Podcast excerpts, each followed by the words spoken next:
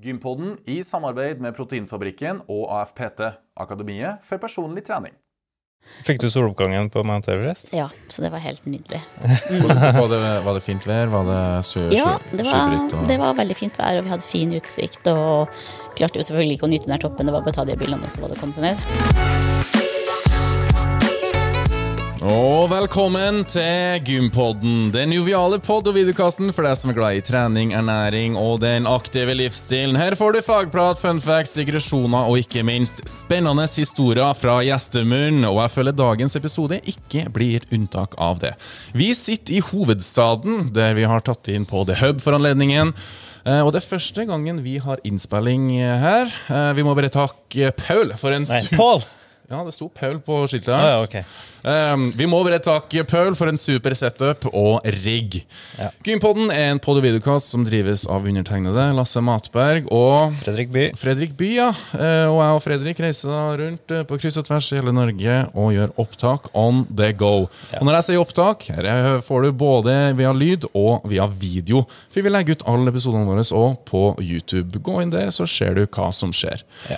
Uh, Vi er jo, jeg vil jo si at vi er over gjennomsnittet opptatt av trening og det å være i bevegelse, Fredrik. Og jeg må spørre deg, har du vært på gymmet i det siste? Det har jeg. Vi er jo i innspillingsuke, og da bruker jeg og du å trene litt. Eh, Det har vi, og planen etter økta i dag er kanskje å ta ei lita økt. Du, vi tenker kanskje å prøve oss på gymmen på hotellet, faktisk. Ja, vi får se. Kanskje vi skal ta med oss eh, dagens gjest og høre om hun blir med på litt eh, løft, løft og strekk der. Jeg har på følelsen at hun trener ganske mye. Og ikke en episode uten dagens tema. Og Fredrik, hva skal vi inn på i dag? Du, vi skal snakke om fjellklatring, høye fjell og bestig sine drømmer, bokstavelig talt. Det skal vi. Har du gjort det? Har du bestiget noen store fjell eller lignende?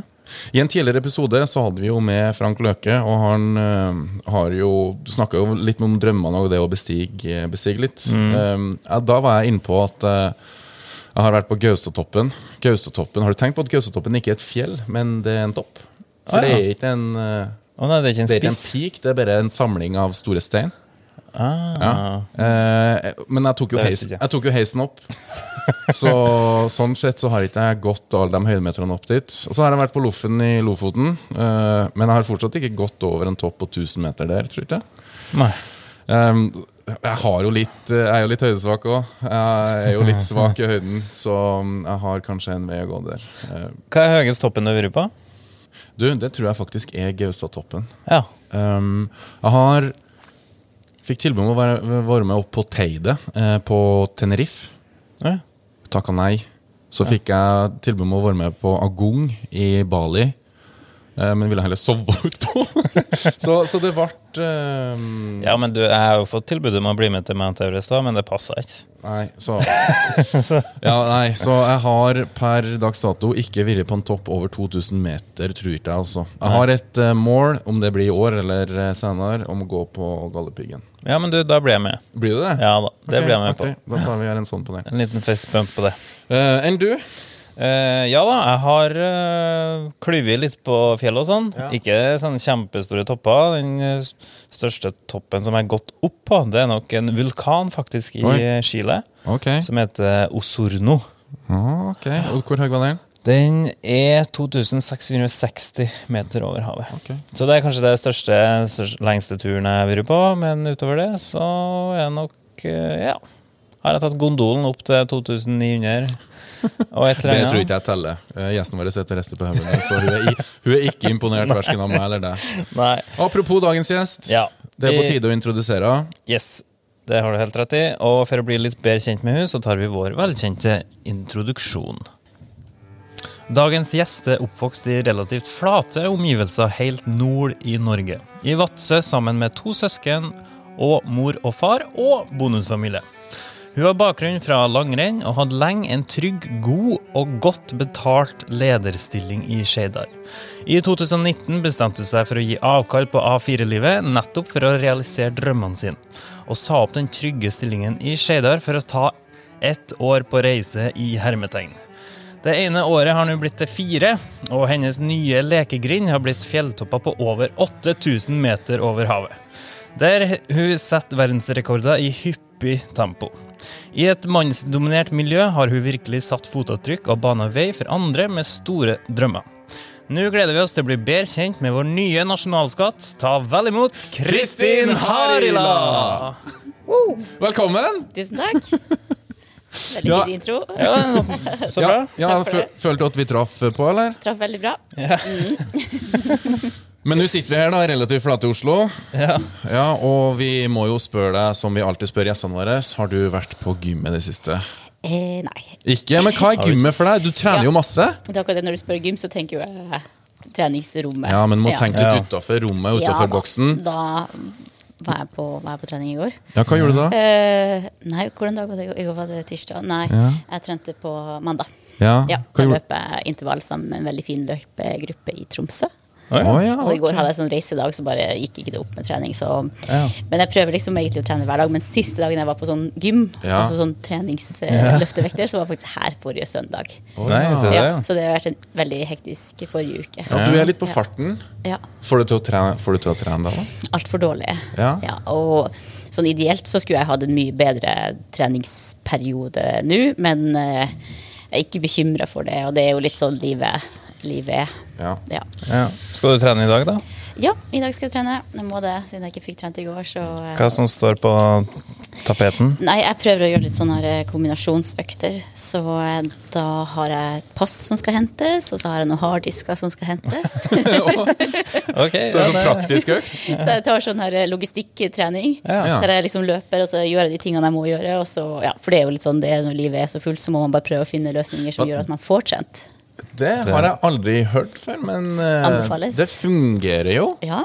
Litt sånn storbytrening. Ja. I stedet for sånn pub til pub, så fra plass til plass. Og gjør praktiske gjøremål. ja. Det er jo like greit. Det er det. Slår man to fluer i en smekk. Og, Ja, ja. Ja, det har du helt rett i.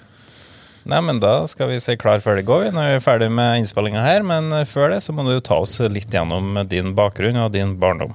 Hvordan var det å vokse opp i flate, flate Nord-Norge? Altså, det er jo ganske værhardt. Ja. Spesielt i, i, i Finnmark er det det. Det er mye vind, og det er kaldt, og det er sne, og det er ofte eh, storm. Ja, Har du fire årstider, eller er det egentlig bare to? Ja, noen som bruker å si at det er ni måneder med, med full vinter, og så er det tre måneder med litt dårlig skiføre. Ja. Så du vokste opp uten plenkløper? Bare snøfres? Nei, det, det blir litt, men det var sånn i fjor sommer så eh, Nei, faktisk sommeren 2021 så Ja. var jeg hjemme på gården. Ja. Og så gikk jeg inn og så tenkte jeg, herregud, det var så varmt ute. Ja. Og så gikk jeg så på eh, temperaturen, og så var det åtte pluss. så ja, det er veldig, veldig flatt i, i Øst-Finnmark. Og vi har liksom ingen fjell, vi har en liten bakke. Ja. Men eh, jeg tror det er en fordel å ha vokst opp der i forhold til å være vant til vær og vind. Og hos oss så var det liksom ingen kjære mor. Hvis vi skulle være med på ski, så måtte vi ut og gå på ski selv om det var drittvær og ja. storm. Var det ski som ble det mest nærliggende å holde på med, eller? Mm, Ja, men jeg var også veldig aktiv med håndball og fotball oh, ja. og turning. Og så jeg gjorde egentlig alt, så det var ikke opplagt hvordan idrett jeg skulle velge. Eh, eller nå nesten så at jeg aldri valgte, men, men det var jo ski som jeg drev mest på med, spesielt kanskje fra jeg var 16 eh, til jeg, var, til jeg la opp når jeg var par og 20. Ja, Var du god? Jeg var topp tre i Norge som junior. Som Nei, var? Oi, var du det? Ja, så det var greit. Ja. Det har snikket seg unna vår Ja. research. Ja, det har ikke vært flagga så veldig høyt, da, men, eh, men det er jo betydelig mye enklere å liksom komme på et høyt nivå som junior enn når du blir senior. Så det var egentlig det som Jeg skal ikke si det var bare det som stoppa meg, men, eh, men jeg skjønte når jeg ble senior at jeg kommer aldri til å bli verdensmester. Og Ja. da tenkte jeg at ok, det var greit å legge opp og gjøre noe annet. Okay. Ja. Mm. Gjorde du noen andre ting, da? Var du på gymmen? Altså, Treningssenter har liksom ikke vært min store greie. Det er sånn der må-greie. Ja. Ja. Men det var, jeg var sikkert jeg, Vi hadde jo litt sånn her eh, type gymtrening på, på NTG på Lillehammer da jeg gikk der på langrenn. Så hadde vi jo, var vi jo trent eh, litt sånn styrketrening i Håkonshallen, da. Det gjorde vi jo. ja, okay. Men det var egentlig kanskje Kanskje jeg var medlem på Sats fra jeg var 20, eller noe sånt. Ja. Ja. Så, men det er ikke, definitivt ikke min favorittplass å dra og trene, og det er bare sånn eh, nødvendig onde som må gjøres. Godt sagt. Kartlagt det. Notert. Du bestemmer deg for å legge fra deg langrennsskien. Hva er det som skjer neste i livet ditt da? Tar, kommer det her A4-livet og tar deg litt, eller? Nei, jeg var jo ganske, ganske ung og var ikke helt sikker på hva jeg skulle gjøre. Og som mange andre som har satsa på idrett, så blir det et slags vakuum etterpå. Og det var det for min del også. Og jeg var sånn usikker på hva jeg skulle studere og hva jeg skulle gjøre. Og ski hadde jo liksom da i så mange år vært vært det som jeg drev på med. Ja. Og fra jeg var ferdig på NTG når jeg var 19 til altså i 2005, da så satsa jeg til 2009-sesongen. Så jeg hadde en del år der jeg egentlig bare satsa på ski, Ja. samtidig som jeg tok noen fag både på idrettshøyskolen og på Universitetet i Oslo. Men det var liksom ski som var greia. Ja, jeg jobba i fengsel og studerte mm, faktisk eh, sånn her personlig trener og treningsvillig på idrettshøyskolen. Ja, ja, så ja, så jeg har gjort det også. Og så studerte jeg pedagogikk og psykologi. Ja. Og da ble etter hvert målet å komme inn på profesjonsstudiet psykologi i Tromsø. Yes. Og så flytta jeg nordover til Tromsø i 2012, og så kjøpte jeg meg et hus. og fant ut at jeg skulle renovere hele huset, så gjorde jeg, gjorde det. Å ja, du er handy i tillegg, ja. Ja, jeg er jo vokst opp på gård, så jeg kjører traktor og Ja, hele pakka. Det Du har denne sånn, sofaen her òg. Ja. Fredrik var jo gårdsbruker. Eller fra gård. ja, så da vet du hvordan det er å vokse opp. Jeg fikk jo aldri Yes. noe liksom, opplæring i hvordan jeg skulle kjøre traktoren. Jeg var jo bare 11 år, så sa pappa du må ut og hente de rundballene og få dem hjem, liksom. Ja, jeg Så- tror Fredrik var åtte. ja. Jeg begynte å øvelseskjøre med broren min før jeg sjøl hadde lappen, og han er 11 år yngre enn meg. Ja, ok. Men det er jo ikke, ikke si det til noen. Men Nei, nei. Det, det blir mellom oss, så klart. det er jo sånn det er å vokse opp eh, på landet, og det har jo mange, mange fine ting. Ja, det blir jo folk av dere. Jeg ser- sitter jo her og observerer dere begge to. Ja, ja, Dere og... er er stødige, ja, ja, ja, og det er jo sånn, altså, når jeg var 16 og flytta 200 mil hjemmefra, så var det jo ingen som fulgte meg til, verken til flyplassen eller til der jeg skulle bo. eller noe. Jeg ordna jo alt sjøl og gikk i banken og tok opp lån og kjøpte meg en um, plass å bo da jeg var 16. Liksom. Så, Ja, var, Hæ, gjorde du det? Ja. du var tidlig voksen, da? Ja, men ja. Så det er sikkert en kombinasjon av både hvordan vi var oppdratt, men også sikkert litt på hvordan man er, da. Syns du det var vanskelig å flytte når du var 16? Nei, jeg syns det var det mest opplagte i hele verden at jeg skulle gjøre. Oh, ja, ok. Ja. Så du bare gleda deg? Ja, Ja. det gjorde jeg. Etter de her årene i Oslo og Tromsø, da, så kom jeg inn på profesjonsstudiet psykologi. Mm. Det var da sommeren eh, 2013. Og det her huset som jeg hadde kjøpt, var bare blitt dyrere og dyrere. Og en uke før jeg fikk den skoleplassen, så fikk jeg da tilbud om denne jobben som varusjef for Skeidar i Tromsø. Ja. Så eh, sånn begynte det, og så var det sånn ok, da, da må jeg bare ta denne jobben. og, og ja, holdt da i det varehuset frem til eh, begynte å jobbe sentralt i Skeidar i 2016. ja. Ja. Og, når du begynte i de jobbene der og jobba noen år, og sånn, hadde du noen sånne drømmer da, eller var det litt sånn Nei, jeg var jo selvfølgelig all in med den jobben. Ja. Og trente, altså det første året så trente jeg nesten ingenting. Det var bare gikk eh, i jobb hele tida og Ja. jobba døgnet rundt. Og fant etter hvert ut at eh, jeg må melde meg på løp. Oh, ja. Hvis ikke så får jeg ikke trent. Ok. Eh, Hvordan da, Langrennsløp eller eh, løpeløp? Løpe. Ja. Det er jo litt lettere enn å gå på ski, fordi at når du skal på ski, så må du jo ofte kjøre en plass, og så må du ha ski, og så må du ha smøring og alt det der. Mm. Så jeg fant ut ok, løping er litt lettere, det kan jeg liksom gjøre fra jobb eller ja, Ja. som transportetapper. Mm. Så, eh, ja, så da var det greit å melde seg på løp, for da tvang det meg til å faktisk ta tida til å trene. Ja, okay.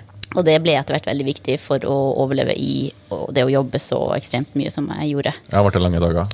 Ja, jeg jobba jevnt over 70 timer hver uke. Nei. søkker. Så jeg jobba jo hver um, Det første året så hadde jeg ikke en eneste fri helg. Da jobba hver eneste helg i tillegg. Ja. Så, men det er jo ikke farlig uh, i en periode. Nei, det er sikkert ikke. For noen er det sikkert ikke det, men eh, Men, men det er jo sånn med alt jeg gjør, så, så går jeg bare all in, og så Ja. jeg alt mulig av det. Men drømte du om det her 8000-meterstoppene da, Jeg eller? hadde ikke hørt om den eneste 8000 meter. Jo, da, jeg hadde hørt selvfølgelig om Mount Everest, for Ja. det var verdens høyeste fjell. Ja. Men jeg skal fortelle historien om hvordan jeg Ja, ja, fikk vite om de her 8000 meterne. Ja. Så, men dit kommer vi. Ja. Men eh, nei, i 2015 så vant jeg en tur til Kilimanjaro. Å, gjorde du det? Ja, Åh. høyeste fjell i Afrika. Ja. eh, 5009. Så det var gjennom jobben så hadde vi en sånn eh, Det beste varehuset over eh, tre måneder skulle da Eller ja, de tre beste varehusene over tre måneder skulle få eh, et lodd. Og eh, etter litt flaks så fikk jeg da meg en tur dit. Og så, eh, ja, på tur opp dit, så spyr jeg og mister synet. Oi. Og var det helt forferdelig. Høydesyk. Er det høydesyka du snakker om der? Og det var jo på en måte mitt første høye fjell, så jeg visste jo ikke hvordan kroppen var. Men Nei. så var vi jo en ganske stor gruppe der, og ganske sånn vanlige folk. Mm, og de fleste bare gikk rett opp uten noe problem, men oh, ja. jeg bare hadde det helt forferdelig. Og jeg vet jo det nå, at jeg reagerer ganske mye og ganske tidlig på høyden. I Ok. motsetning til mange andre som ja, hvor Ja. greier opp. så eh, ja, men jeg nådde toppen og fant ut ok, jeg kan bare løpe ned. Så da var det vel sånn fem stykker som hang på meg i starten, men de eh, slapp etter hvert. Og så var det bare en, en og en halv time, så var jeg nede. Hæ? ja, Altså fra toppen og til den siste campen der eh, vi starta fra. Wow. Så det gikk fort ned, Ah, selv om det var helt forferdelig opp. Så det var egentlig mitt første, første fjell, og da Ga det mersmak, da? Eller? Ja, det gjorde det. Ja. det gjorde det. Uten at liksom, jeg hadde noen plan på at jeg skulle drive og bestige sånne her høye fjell. Det hadde jeg ikke, men jeg tenkte at, det var, at jeg likte det ekspedisjonslivet og å være på tur og ja, hele den der biten. Ja. Og så mm, var det jo selvfølgelig fortsatt veldig mye jobb, men litt mer balanse i det. Eh, I forhold til å få litt eh, andre ting i livet og få trent. Og jobba da sentralt i Skeidar fra 2016 til eh, våren 2019. Hadde du flytta til Oslo, da? Så jeg flytta til Oslo og hadde egentlig ikke lyst. Jeg hadde lyst til å være i Tromsø, men jeg var sånn, jeg kan ikke si nei til den jobben. Liksom. Det, Nei. det kan jeg ikke, så jeg måtte bare gjøre det. Og solgte huset og fant meg en ny plass å bo her. Og ja, så jobba også mye og reiste mye, men, um, men fikk tjent sånn ok. Og så i um, februar 2019 så fikk jeg en telefon fra en mann med et ukjent nummer. Og så sa han at jeg hørte at du har lyst til å være med på fjelltur. Og så sa jeg ja, det har jeg lyst til. Så sa han ja, har du lyst til å være med på et ordentlig fjell? Så sa jeg ja, det har jeg. Ja, da må vi på ett over 8000, sa han. Ah. Ja, og det her eh, var egentlig fordi at min eh, sjef, og han som eide selskap, eller fortsatt eier selskapet Skeidar, Martin Andresen, som har spilt fotball, han skulle egentlig være med på tur til Nepal høsten 2019. Ja. Og via han da så kom jeg i kontakt med han her Bjørn Arne, som har vært på flere 8000 meter, og som da planla en tur til Choyu, som jeg fortsatt mangler. Oh, ja, ok, der har du ikke vært. Nei, så det som skjedde videre utover den våren, var at vi fant ut at vi sleit med å få tillatelse til Choyu. Også den gang i 2019. så ja. vi bytta til et annet fjell som var 7002, og for min del så var det greit i og med at det ikke hadde vært høyere enn 5009. Så tenkte jeg ok, det er helt Ja. greit å ta en 7000 meter topp. Så kom vi til våren 2019, og så var jeg sånn eh, Ja, hadde stanga hodet i veggen lenge i forhold til å oppnå resultater på jobben. Og det er alltid greit å jobbe mye hvis man føler at man får resultater ut av det. Ja. Men hvis man etter hvert jobber mye, og så ser man ikke noen resultater ut av det, så blir det til slutt at man gir opp. Mm. Og jeg fikk en mail, og så ga jeg opp. Og så gikk jeg på jobb og sa opp dagen etterpå, og så slutta jeg dagen etter. Jaha, såpass. Ja. Det, det er såpass, Altså, ja. det, det, men da hadde du ingen plan eh, videre heller, da? Nei, jeg bestemte meg med en gang at jeg skulle ha ett år å være på tur. Ja. Ja. Mm, og nå har det da blitt fire, da. ja, det har det. Men eh, tur, altså det ene året du skulle på tur, da tenkte du bare litt sånn tur i Nordmarka, eller var det Ja, skulle du, som jeg sa, loff litt i Lofoten, eller hva var Hadde du noe små bucket Hadde du noe på bucketlista di da? ja, jeg hadde jo den planlagte turen til Nepal høsten 2019. Ja. Så hele den sommeren fra jeg sa opp, så bare trente jeg veldig, veldig bra. Mm. Alle sa at du kommer til å gå på en smell når du plutselig stopper å jobbe og det blir stille og alt det Ja, der. Og jeg bare nei, det kommer til å gå fint. Og så bare dro jeg på tur, og så ja, var i veldig god form og fikk trent masse før denne turen til, eh, Mm. til Nepal. Da, og for dit og besteg et fjell på 6001. Og den morgenen så fikk vi en sånn utrolig fin soloppgang til uh, Mount Everest. Og så gikk han Bjørn Arne rett foran meg, han som har vært på Everest, da, 2007. Og så sa jeg til han at det ser jo ikke så høyt ut. Mount Everest, altså. Og da sa han Og da sa han Han sa ja, du må prøve deg på det fjellet. Og så sa jeg ja, det må jeg gjøre. Så da bestemte jeg meg egentlig for å prøve mot Everest. Du gjorde det, ja. Ja. Og så får vi til et eh, fjell mer vest i Nepal, som er 7002. Eh, ble tatt i en forferdelig storm i Camp 3, og kanskje den verste uh, turen jeg hadde. I hvert fall en av de verste. Og faktisk den eneste gangen jeg har vært eh, redd på tur. Ja. Og det har selvfølgelig litt med erfaring å gjøre at jeg hadde mye mindre erfaring da enn hva jeg har eh, nå. Så, og pluss at vi gjorde en god del feil på den turen. Som, eh, Hvordan feil da? nei, for eksempel så burde jeg hatt bedre oversikt over værvarselet sjøl. Det kom inn en forferdelig storm der som vi ble liggende i. Ja. Og så jeg hadde et fjell som det nesten ikke folk på. Og så visste vi at det gikk skred eh, overalt. Vi hadde sett det, for det hadde vært veldig mye nedbør den høsten. Ja. Og burde ha sjekka området som vi putta teltet i, mye mer sjøl. Så litt av den, det som jeg frykta den natta, var at vi skulle bli tatt i, i skred. Ja. Så, så det er sånne som- ting som jeg ville gjort annerledes i dag. Og så var det litt sånn vi var litt unødvendig kald, fordi at vi hadde litt dårlig rutine på, på klær og mat og drikke. Mm. Så den, eh, når vi starta ut et par timer forsinka den natta klokka tre, så jeg tror vi gikk i fem minutter, så var jeg snarere følte jeg at jeg måtte kle av meg klærne for å få oh, ja, for- puste, fordi det var så kaldt. Det var så utrolig kald Wow. eh, vind rett imot. Og etter noen timer så måtte jeg ha med skoene i sneen og varme tærne, for jeg kjente ikke tærne mer. Jeg hadde ingen bevegelse. Oh, Så, um, så det var mange ting vi gjorde, gjorde gærent. Den, uh, Men fikk du froska da? nei, jeg gjorde ikke det. Så det gikk helt fint, og god erfaring å ha med seg. Ja, det kan en jo si. Men jeg føler da var du på nippet til å, å få froskadam? Ja, det var, det var sikkert. Men uh, man tåler jo ganske mye. Ja, det- Ja. du tåler ganske mye. Ja, jeg tror generelt at vi tåler mye mer enn hva vi um, tror. Og selvfølgelig skal man ha respekt for frostskader. Det er jo en forferdelig Ja. greie. Jeg har jo flere som jeg kjenner som har mista fingre og armer og nese. Armer òg? Ja. Nei.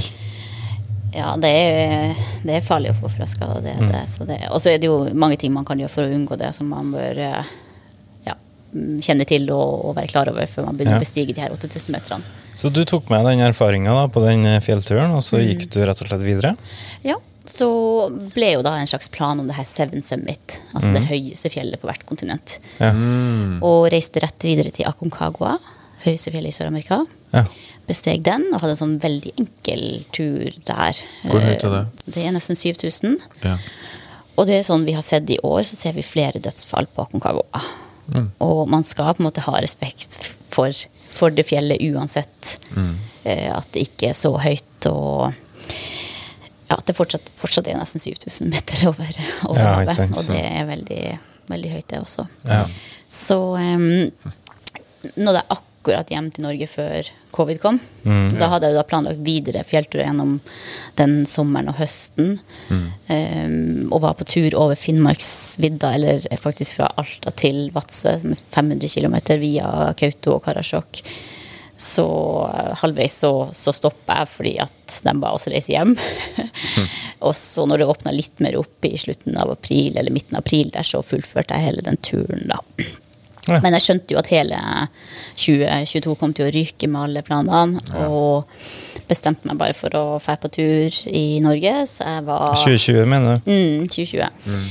Så, em, ja, så jeg var bare på tur og hadde en veldig, veldig bra treningsperiode. Ja. Og sånn alt i alt så var det kanskje bra for min del at det ble, eh, ble sånn det ble. For at jeg tenker det at hvis man skal bli god på noe, så må man trene på det. Du har, du har helt rett. Så, ja, så jeg brukte den sommeren godt og hadde mange lange økter eh, etter hverandre. Og det er en sånn viktig greie hvis man skal bestige de høye fjellene og tåle dag tre og fire.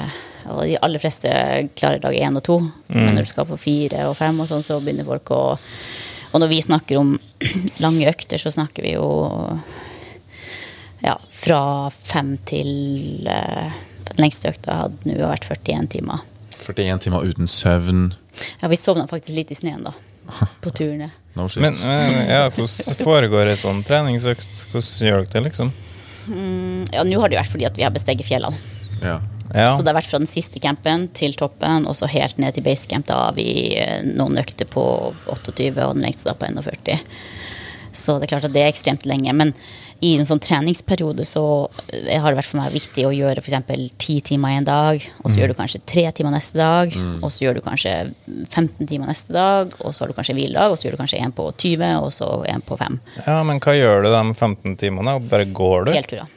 Fjellturer. Mm, Opp du blir god på det du kjenner på. Det er så enkelt, det her. Ja. Ja, så du bare går og litt opp, litt ned. Ja, altså Ta på deg en sekk, og så bestiger du så mange fjell eh, og så mange høydemeter du orker på eh, den tida du orker. Og ofte når jeg har dratt ut på sånne turer, så, så vet jeg ikke når jeg kommer tilbake. Da tar jeg med, med meg sekk og mat, og jeg vet at jeg kan klare meg ute et par dager hvis jeg må det. Mm. Ja. Går- Ikke telt, da, men, Ja. men alt. eh, Men her er hovedsakelig gåing. Det er ikke sånn at du har en sykkel som du setter på og sykler litt høydemeter bare for å få litt Nei, altså, det er altså så enkelt med det her med, med trening. Ja, Mm. Ja, det- vi ja. blir gode på det vi trener på. du har Ja. helt rett. Det, og skal du bestige fjell, så må du bestige fjell. Ja. Ja, Det er det det dreier seg om. Okay. Så Tåle den belastninga å gå opp og gå ned og Har du et favori- favorittfjell du øver mest i? I Norge. Oh, I nei, Norge, ja. det er jo litt sånn her med det her livet og sånn som det er nå, så er det litt vanskelig å få, få gjort Ja. det. Hvis jeg hadde bodd i, i Tromsø, som jeg håper jeg skal bo i senere, da, så hadde jeg eh, besteget noen fjell rundt der og gått opp og ned noen, noen fine fjell i området. og sånn. Ja. Det hadde, så det hadde vært en litt annen, annen greie. Men, Mm. um, ja. Men eh, det som i hvert fall skjer da, ofte når man kommer i veldig god form, også, er jo at man ofte blir skada. Oh. Så Og litt av greia var at jeg hadde da gått veldig mye på fjell, og Mm. så løper jeg seks mil på asfalt. Og det er jo ganske stor eh, ja, det er overgang. Ja. ja. Og hva som skjedde? Nei, så trodde jeg at hofta var brekt, at jeg hadde fått et brudd i hofta. Gjorde det vondt Ja. hvert steg du tok? Ja, jeg kunne ikke løpe mer, det var liksom helt sjanseløst. Jeg gikk på krykka og var inne og sjekka det, Oi, og det var såpass, ja. ja da. Og det her var jo da noen måneder før jeg håpa å reise til Everest i 2021. Men eh, etter noen uker så kunne jeg gå på ski, Mm. og fortsatt ingen sjanse å løpe. Og reiste til Everest eh, i slutten av mars 2021 uten å ha løpt en eneste økt. Og jeg klarte å gå i motbakke, og hadde prøvd å gå med tung sekk i motbakke, og det gikk greit. Og det gikk bedre faktisk å gå oppover enn å løpe. Ja. Så da tenkte jeg ok, det her kan gå. Og så så jeg faktisk det at jeg ble bedre av å trene styrke. Nesten så jeg ikke tør å innrømme det. Oi, Men, så der, ja. Ja, Var det noen som tipsa deg om det, eller? Ja, jeg var hos en eh, Jeg tror han var fysioterapeut, og mm, sjekka det og fikk noen øvelser og sånn. Og så var det ikke noe vondt når jeg gjorde de øvelsene. Nei. Amen. Ja. Og det er jo ofte sånn. Det er også litt, og problemet var at jeg, når jeg ikke trente, så satt jeg mye og jobba på fjeset. Og det som skjer da, er jo at man sitter med den bøyen i hofta og, og fikk, eh, fikk vondt av det å sitte. Det var, det var akkurat det jeg sa til deg i dag. Fordi når jeg kjører bil for eksempel, fra Stavanger til Oslo, så er det sånn at jeg får noe sånn backen eh, Ja, ja, det det, det, det. får noen sånne låsninger, og det er rotete. Stillesitting er rotete. Alt vondt. Det er det. Jeg prøver, jeg kjører jo elbil, så jeg prøver jo å kjøre um, Når jeg lader, så prøver jeg å gå. Uh, litt for å få skritt, men òg fordi at det er godt for kroppen min. Så det er Og jeg må jo bare si at jeg syns at det å gå er så undervurdert. Yes. Ja. Det er det, og det er så enkelt, og stort sett alle kan gjøre det. ja.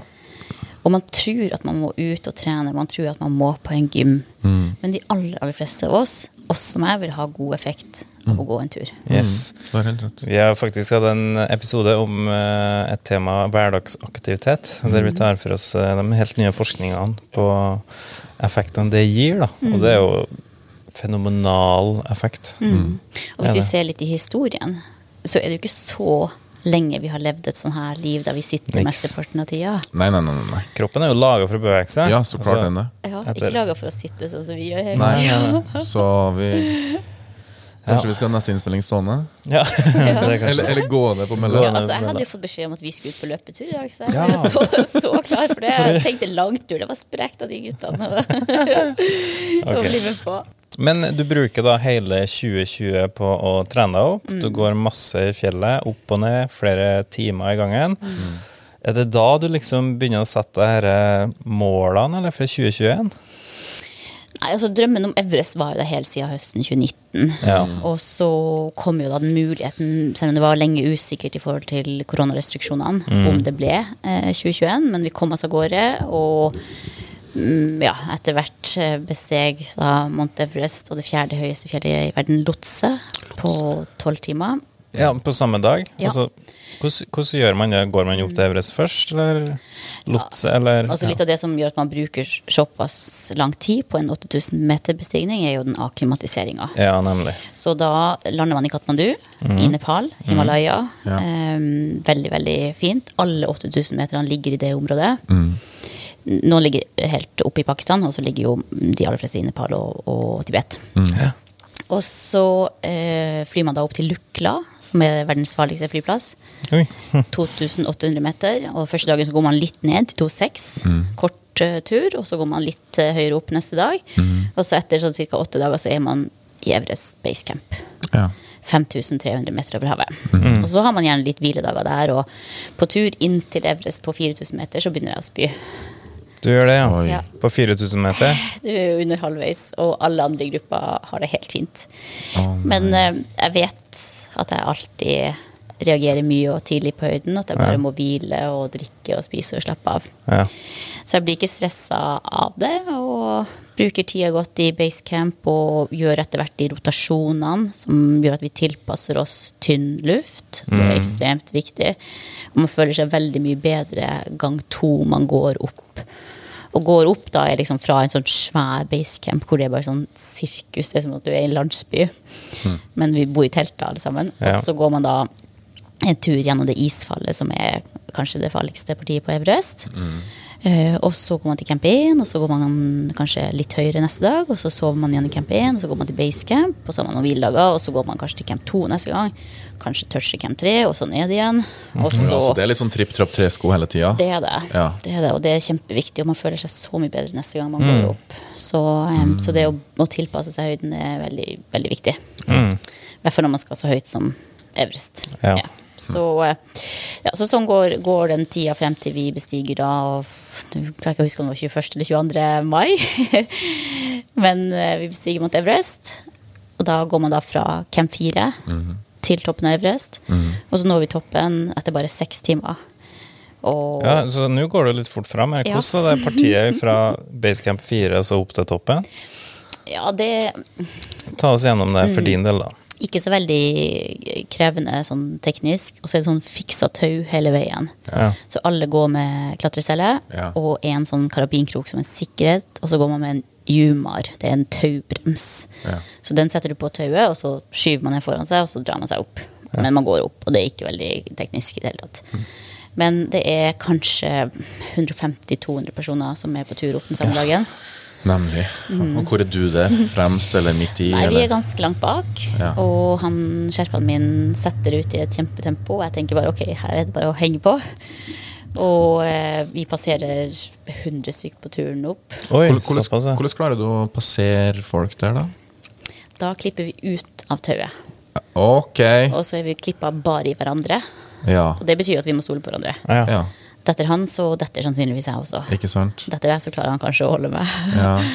Men, eh, men man må bare stole på hverandre og være liksom eh, samstemt. Men det gjør jo også at ofte så, så pusher jeg hardere enn Men han hadde også en periode der på et, et tidspunkt så gikk jeg fra han også. Da klarte ikke han å henge på, på meg, liksom. Så ja, så um, men, så det er liksom måten å passere folk på, da. Så Ja. eh, jeg blir ikke veldig stressa av at det er mye folk. Det er noen fjell det er mye folk på, men så lenge fjellene er der, så kommer det til å være folk. Og hvis folk kommer til de 8000 meterne i sesongen, så må man regne med at det er folk. Og det finnes så mange fjell over stiger helt alene. Ja. Så det er ingenting å klage for det. Det er en del av eh, gamet. Ja, Mount det er. Everest er jo kanskje litt spesielt, da, siden det er det høyeste på jordkloden. Ja. ja, og man ser det godt. Og vi som har vært liksom, på mange av de fjellene, ser jo veldig godt forskjellen på folkene som er på Everest. Og det er helt greit. Altså, folk Ja. må få lov til å klatre på den måten de vil. Om de vil ha seks skjerper og ti flasker oksygen, så vær så god. Det Ja. er helt eh, Ja, tenker det må de få få lov til. Mm. Så lenge man ikke er til skade for noen andre, så ja, må folk få lov til å bestige den på den måten de vil. Men Blir du litt oppgitt over at du, enkelte folk du ser eh, på tur oppover, er sånn «Å, Herre, hva er det som skjer her? Nei, nei, jeg gjør ikke det. Jeg tenker Man har forståelse for at folk eh, ønsker Ja. å bestige verdens høyeste fjell. Det er Ja. naturlig. Og så har man forskjellige forutsetninger og forskjellig bakgrunn for å bestige det, og forskjellige måter man ønsker å gjøre det på. Og det, det må folk få lov til å gjøre. Ja. Kan jeg spørre om, Er det bare funksjonsfriske som prøves, eller har du sett eh, noen som uh, er Ja, litt vi utafor boksen? eh, Vi ser folk som er blinde, Ja. og så ser vi av og til noen som kanskje mangler en arm eller Ja. mangler en fot. Eller så vi ser Ja. litt sånne ting av og til også. Så det er klart at det er nok en ekstra uh, dimensjon av utfordring. Ja. Mm. Mm. De aller fleste tar veldig hensyn til hverandre. Ja. Ja. Så du passerer da 100 stykk på tur opp, og så begynner å nærme deg toppen, eller? Ja, så skjønner jeg at vi når toppen og ser på klokka og ser at den er seks på morgenen. Vi har brukt seks timer opp. Ja. Og det som er, da visste vi at det var 20 timer hver vindu. Jeg hadde meldt meg på for å gjøre begge de to toppene. og de fleste okay. som melder seg på, ender opp med å gjøre én av dem. Og det var en vanskelig sesong på Everest i 21 eh, pga. været. Mm. Så det var tre-fire dager man nådde toppen det året. Så det Oi. var veldig, veldig få dager man Oi, nådde toppen. Og det er derfor det var så mange som skulle samtidig akkurat den dagen. Ja. Så, um, så jeg tenkte bare ok, da er det bare å komme seg ned, ta de bildene, komme seg ned og begynne på lotse. Ja. Ja. Fikk du soloppgangen på Mount Everest? ja, så det var helt nydelig. Var, det, var det fint vær? Var det sø, Ja, det var, og- det var veldig fint vær, og vi hadde fin utsikt. Og klarte jo selvfølgelig ikke å nyte den der toppen, det var bare å ta de bildene, og så var det å komme seg ned. Og du satt i en halvtimes tid? Nei, jeg vet ikke Men- hvor lenge vi var totalt, det er kanskje 20 minutter eller noe sånt. Ja, Det var, det var får- egentlig bare å ta de bildene, liksom. Jeg glemte til og med å ta med oksygenmaska, liksom. Men Det høres ut som du bare gikk opp på en topp og tok noen bilder, og så gikk du ned igjen. Altså, Ja. Er du sliten i det du tar de siste stegene, eller er du fin i farta? Nei, fin, fin form. Og så kommer vi til Hillary Step på tur ned, Ja. der man ofte ser de køene. Ja. Og så blir vi stående bom fast. Så Ja. vi sto der i 45 minutter. Ikke mulig til å bevege seg noen vei. Og så går vi litt Altså vi kommer oss ut av den køen, og så kjenner jeg ah, shit, jeg er dårlig i magen. Ok, Har du spist noe dårlig på basecamp? Eh, nei, jeg blir alltid dårlig. Har det med høydesyken å gjøre? Nei, mest med maten. Det er veldig dårlige hygieniske forhold. Ah, ok, ja. Eh, så jeg tenker åh, shit, jeg må på do her. Det er ingen plass å gå. Og du har jo da en hel haug av folk som står der. Og er jeg tenker bare, ja, ja, ja. er bare å åpne buksa bak, og så gikk jeg på do akkurat der jeg sto. Ja. Og så går jeg opp på South Summit, sånn 20 meter over der jeg gikk på do. Så var jeg sånn, ok, nå må jeg spy. Og så spydde jeg. Og så ble han skjerpa sånn, å shit, har vi gått for fort? Jeg bare, nei, nei, nei, bare kjør på. Og så nådde vi Camp 4. Mm, Vi var der faktisk i to Men eh, timer. hvorfor spyr du? Ja, det er sikkert høyden og det å bevege seg fort og dårlig mat og Ja, ok, Så du var ikke redd for den høydesyken? Dødssonen? Nei da, nei da. Nei, det var jeg ikke. Så jeg var ikke noe bekymra for det at jeg var dårlig. Det Jeg bruker alltid å bli litt sånn. Okay. Ja, det hører med. Ja. Ja, ta lett på, i hvert fall. Men, ja. Ja, Ja, men jeg tror ikke man skal bekymre seg så men det er Altså, jo altså, mange som dør i fjellet der. Ja, men hvis jeg dør der, så dør jeg jo lykkelig på en fjelltopp, og da er det greit. Okay. Ja. Det er ikke så farlig. nei. Men ja, jo ja, alle det- jeg, Ja. Det, det høres ut som hun eh, Jeg eh, blir fascinert. Ja, men skal man gå rundt og være bekymra for det? Men du er på ta verdens tak. Når du går opp dit Jeg har jo aldri vært der, men jeg har jo sett bilder. Det ligger døde folk på tur opp dit. Er det ikke sånn at du reflekterer over at oh shit, dette kan gå galt? Nei. Du er litt dårlig både fram og bak. Du, du er ikke 100% da. Men hva er det som trykker deg? Ok, du skal ned, for du har lyst til å gå på lotset òg. Ja. Er- er- Hva er det som pusher? Er det sherpaen som pusher deg? Er det du som pusher sherpaen? Er det bare at du Hva, hva er, hva er gulrota di? Nei, jeg har lyst til å bestige fjellene. Ja. Ja. Ja. Ga det deg veldig energi når du kom på toppen av Everest? Var det sånn oh, Yes. Jeg tenkte bare jeg må ta de bildene og komme oss ned. Jeg er veldig sånn der fokusert på bare å få gjort det som må gjøres. ja, for du skulle jo opp på Lotse. Ja, ja, så jeg sto jo ikke der og Og jeg tenkte da jeg kom ned, ok, neste topp jeg bestiger, så skal jeg i hvert fall nyte toppen, liksom. Ja, ikke sant? For det, oppe der så var det bare sånn, ok, ta de bildene, kom oss ned. Ja, og når du sier ned, så skal du ned til basecamp 4. Ja, til Camp 4. Camp 4, Ja. og den er på hvor mange høydemeter? 8000 meter. Og da, fra 8000, skal du opp igjen på 8600 og noe, ikke det? Ja, men du må eh, 8004, Ja. men du må enda litt mer ned fra, fra Camp 4. Mhm. Så du går litt ned, og så begynner bestigninga opp igjen. Så opp en sånn renne. Og før vi når den renna, så er jeg sånn åh, shit, jeg må på do igjen. Og så var jeg på do igjen, og så gikk vi ti minutter. Og så var det Å nei, jeg må på do enda en gang. Og da har jeg altså én skjerpa foran meg og én bak meg. Og det er bare vi som er der, fordi at alle var da på tur opp på Everest. Så digg, da. Så da er det opp til dere. På, dere går tur på deres premisser. Ja. Så eh, Eller på magen din sine premisser. Ja. Er, er det dem som legger tauene forover, eller? Nei, så tauene er ferdig fiksa på de her fjellene fordi at det er så mye folk der. Så det er et Ja, okay. selskap som er ansvarlig for fiksing av tauene fra basecamp til camp 3. Og så er det et annet selskap som er ansvar derfra opp til camp 4. Og så er det noen som har siste delen, da. Ja. Så det her blir fordelt ut, og alle betaler en fee til Ja. at man skal få det her fiksa. Så Everest er liksom veldig organisert i forhold til de her ferdigfiksa tauene. Mm. Men jeg skal fortelle litt mer om, om fiksa tau og ikke etterpå, når vi kommer til 2022. Ja, okay. Ja. Så, nei, så da før jeg Eller nå nådde toppen av Lotse, og en sånn utrolig fin solnedgang. Eh, og nøyt egentlig ikke den toppen heller, for da var det sånn ok, shit. Jeg har dratt med de skjerpene opp her i mørket, og vi skal ned i mørket. Ja, Ja, for da var det solnedgang, ja. Så Ja. du fikk soloppgangen på Everest, solnedgangen på Lotse. Ja. Altså, det må jo være perfekt, da. Mm, det var utrolig fint. Og på, fikk de her eh, lagvennene mine på radioen og guidene på radioen, for de var jo da kommet ned til Camp 4 og lå der og hvilte seg. Og vi fikk akkurat i beskjed til dem at nå har vi nådd toppen. Og så ja, gikk det jo selvfølgelig mye bedre nedover enn det jeg frykta når jeg var på toppen. For det er jo alltid okay. vanskeligere å gå ned i mørket. Så vi går opp i mørket, og så går vi ned når det er lyst. Ja. Så når vi da skulle ned, så er jeg liksom bekymra for hvordan går det å gå, øh, gå ned når det er mørkt. Men de er jo supererfarne og superflinke, liksom. Så det gikk Ja. radig unna. Og så var det da opp til camp 4, og så så vi der til neste dag. Og så gikk vi ned til camp 2. Og da traff jeg alle lagmennene mine som jeg ikke hadde sett ja. på mange dager fordi det var så dårlig vær når vi gikk fra camp 2 og opp til camp 4. Okay. Så mange av dem hadde ikke sett i det hele tatt. Så når vi da kom til matteltet, som er litt sånn større telt, så var det jo full feiring, og folk var happy, og jeg var bare trist fordi at det var over. Så jeg ringte hjem til pappa og sa at jeg skal på K2 neste sommer. Ja, og eh, til våre lyttere, K2 eh, det, Vi har jo researcha oss fram til at det er dødens fjell. Det er det veldig Til sammenligning for øvrig, da. Det mm, har vært 5000, ca. 5000 på Mount Everest. Mens på K2 så er det bare tre Nå er det 377 stykk som har bestiget stått på toppen av det fjellet. Ok, Så du ringer hjem til din eh, far, og så er du egentlig ikke på en måte fornøyd med å bestige Mount Everest og Lotse? Ja. Så jeg, jeg kommer ned til eh, basecamp, og da skjønner jeg at jeg har tatt den rekorden eh, som raskeste kvinne fra Everest til Lotse. Ja, Det skal vi heller ikke glemme. Og du har jo en verdensrekord. Ja, så jeg tenkte jo ikke noe sånn, Det var ikke målet når vi starta ut, det var jo liksom å få tatt de begge to. Ja. Ehm, kanskje var det begynt en tanke om de her 8000 meterne allerede, men eh, det var jo først når jeg kom hjem fra Everest at den tanken virkelig kom, da. Ok. Mm -hmm. Men skjønner du hvor stort det er å liksom ta den rekorden på Mount Everest og Lotse? Eh, jeg tenker aldri på sånne ting. Nei. Nei.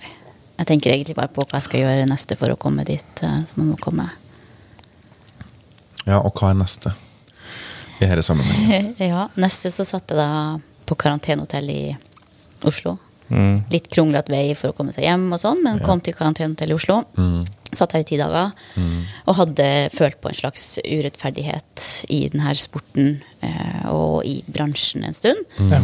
Og tenkte at det eh, har jeg lyst til å gjøre noe med. Hvordan urettferdighet da? Jeg så f.eks. at uh, utstyrsleverandører eh, i all hovedsak sponser menn. Ja. Også de norske, Mm. Hvor vi sier at vi er ganske likestilt. Mm. Og så så jeg at em, eh, store internasjonale leverandører laga fjellklatringsklær kun i herrestørrelser. Og når jeg skulle ha dundress til Mount Everest, så måtte jeg spesialsy en i Katmandu, for det var helt umulig å finne en som var liten nok i herrestørrelse i, i hele Europa. Nei. så jeg fikk en det- spesialsyd i Katmandu. Og så, så så jeg også det liksom, når vi var på Everest, altså så jeg at vi var fem og fem damer som nådde toppen. Ja. Og seks av 14 menn i gruppa mi. Ja, der. Mm. Og jeg spurte han guiden, liksom, veldig, veldig erfaren guide, så Ja. spurte jeg liksom hva han tenkte om det. Ja. Eh, og så sa han nei, han visste ikke, men han hadde det samme året før. ja. Og i vår gruppe så var det i hvert fall opplagt at de mannfolkene, eller damene som kom, var veldig liksom, godt forberedt både fysisk og, og mentalt. Mens mannfolkene var sånn I can do this. Ja, ok, de gikk på en smell, rett og slett. Ja, De visste ikke hvem gikk til? Nei, og Vi hadde til og med en i gruppa vår som innrømte at han hadde tatt litt lett på det. Ja. på forhånd. Ja. Eh, det var jo med en sånn amerikansk gruppe, så de aller fleste var fra USA. Ja. Eh, så det er litt sånn eh, tankegang de har her, altså. ja, okay. Så, em, ja, så, det var, så jeg satt på karantenehotell tenkte på de her tingene. Og så tenkte jeg jo at jeg har lyst til å bestige de her 8000 meterne. Og tenkte da at ok, jeg må gjøre det eh, fort. Og visste at Nim Stai, han nepaleseren som fortsatt har rekorden, gjorde det i 2019 på seks måneder og seks dager. ja. Mens den forrige rekorden før deg var jo på sånn syv år. Og Oi. det er jo bare noen og 40 som har besteget alle 8000 meterne sånn totalt sett. Så det er ikke noe som veldig mange gjør. Nei. Uh, Er det, nok, er det noen kvinnfolk som har gjort det? det er tre damer som står på den lista. Ja. Men så er det sånn at det, ut av dem så er det ingen av dem som har vært på The Real Summit på Manaslu. Ja, for det, det er jo en greie. Mm. Vi har hørt rykter om at der er det en topp, men så kan du liksom gå litt ekstra ut på Mm. toppen, som er det høyeste punktet. Ja, og der var jeg i september. Mhm. Men den historien skal vi fortelle om etterpå.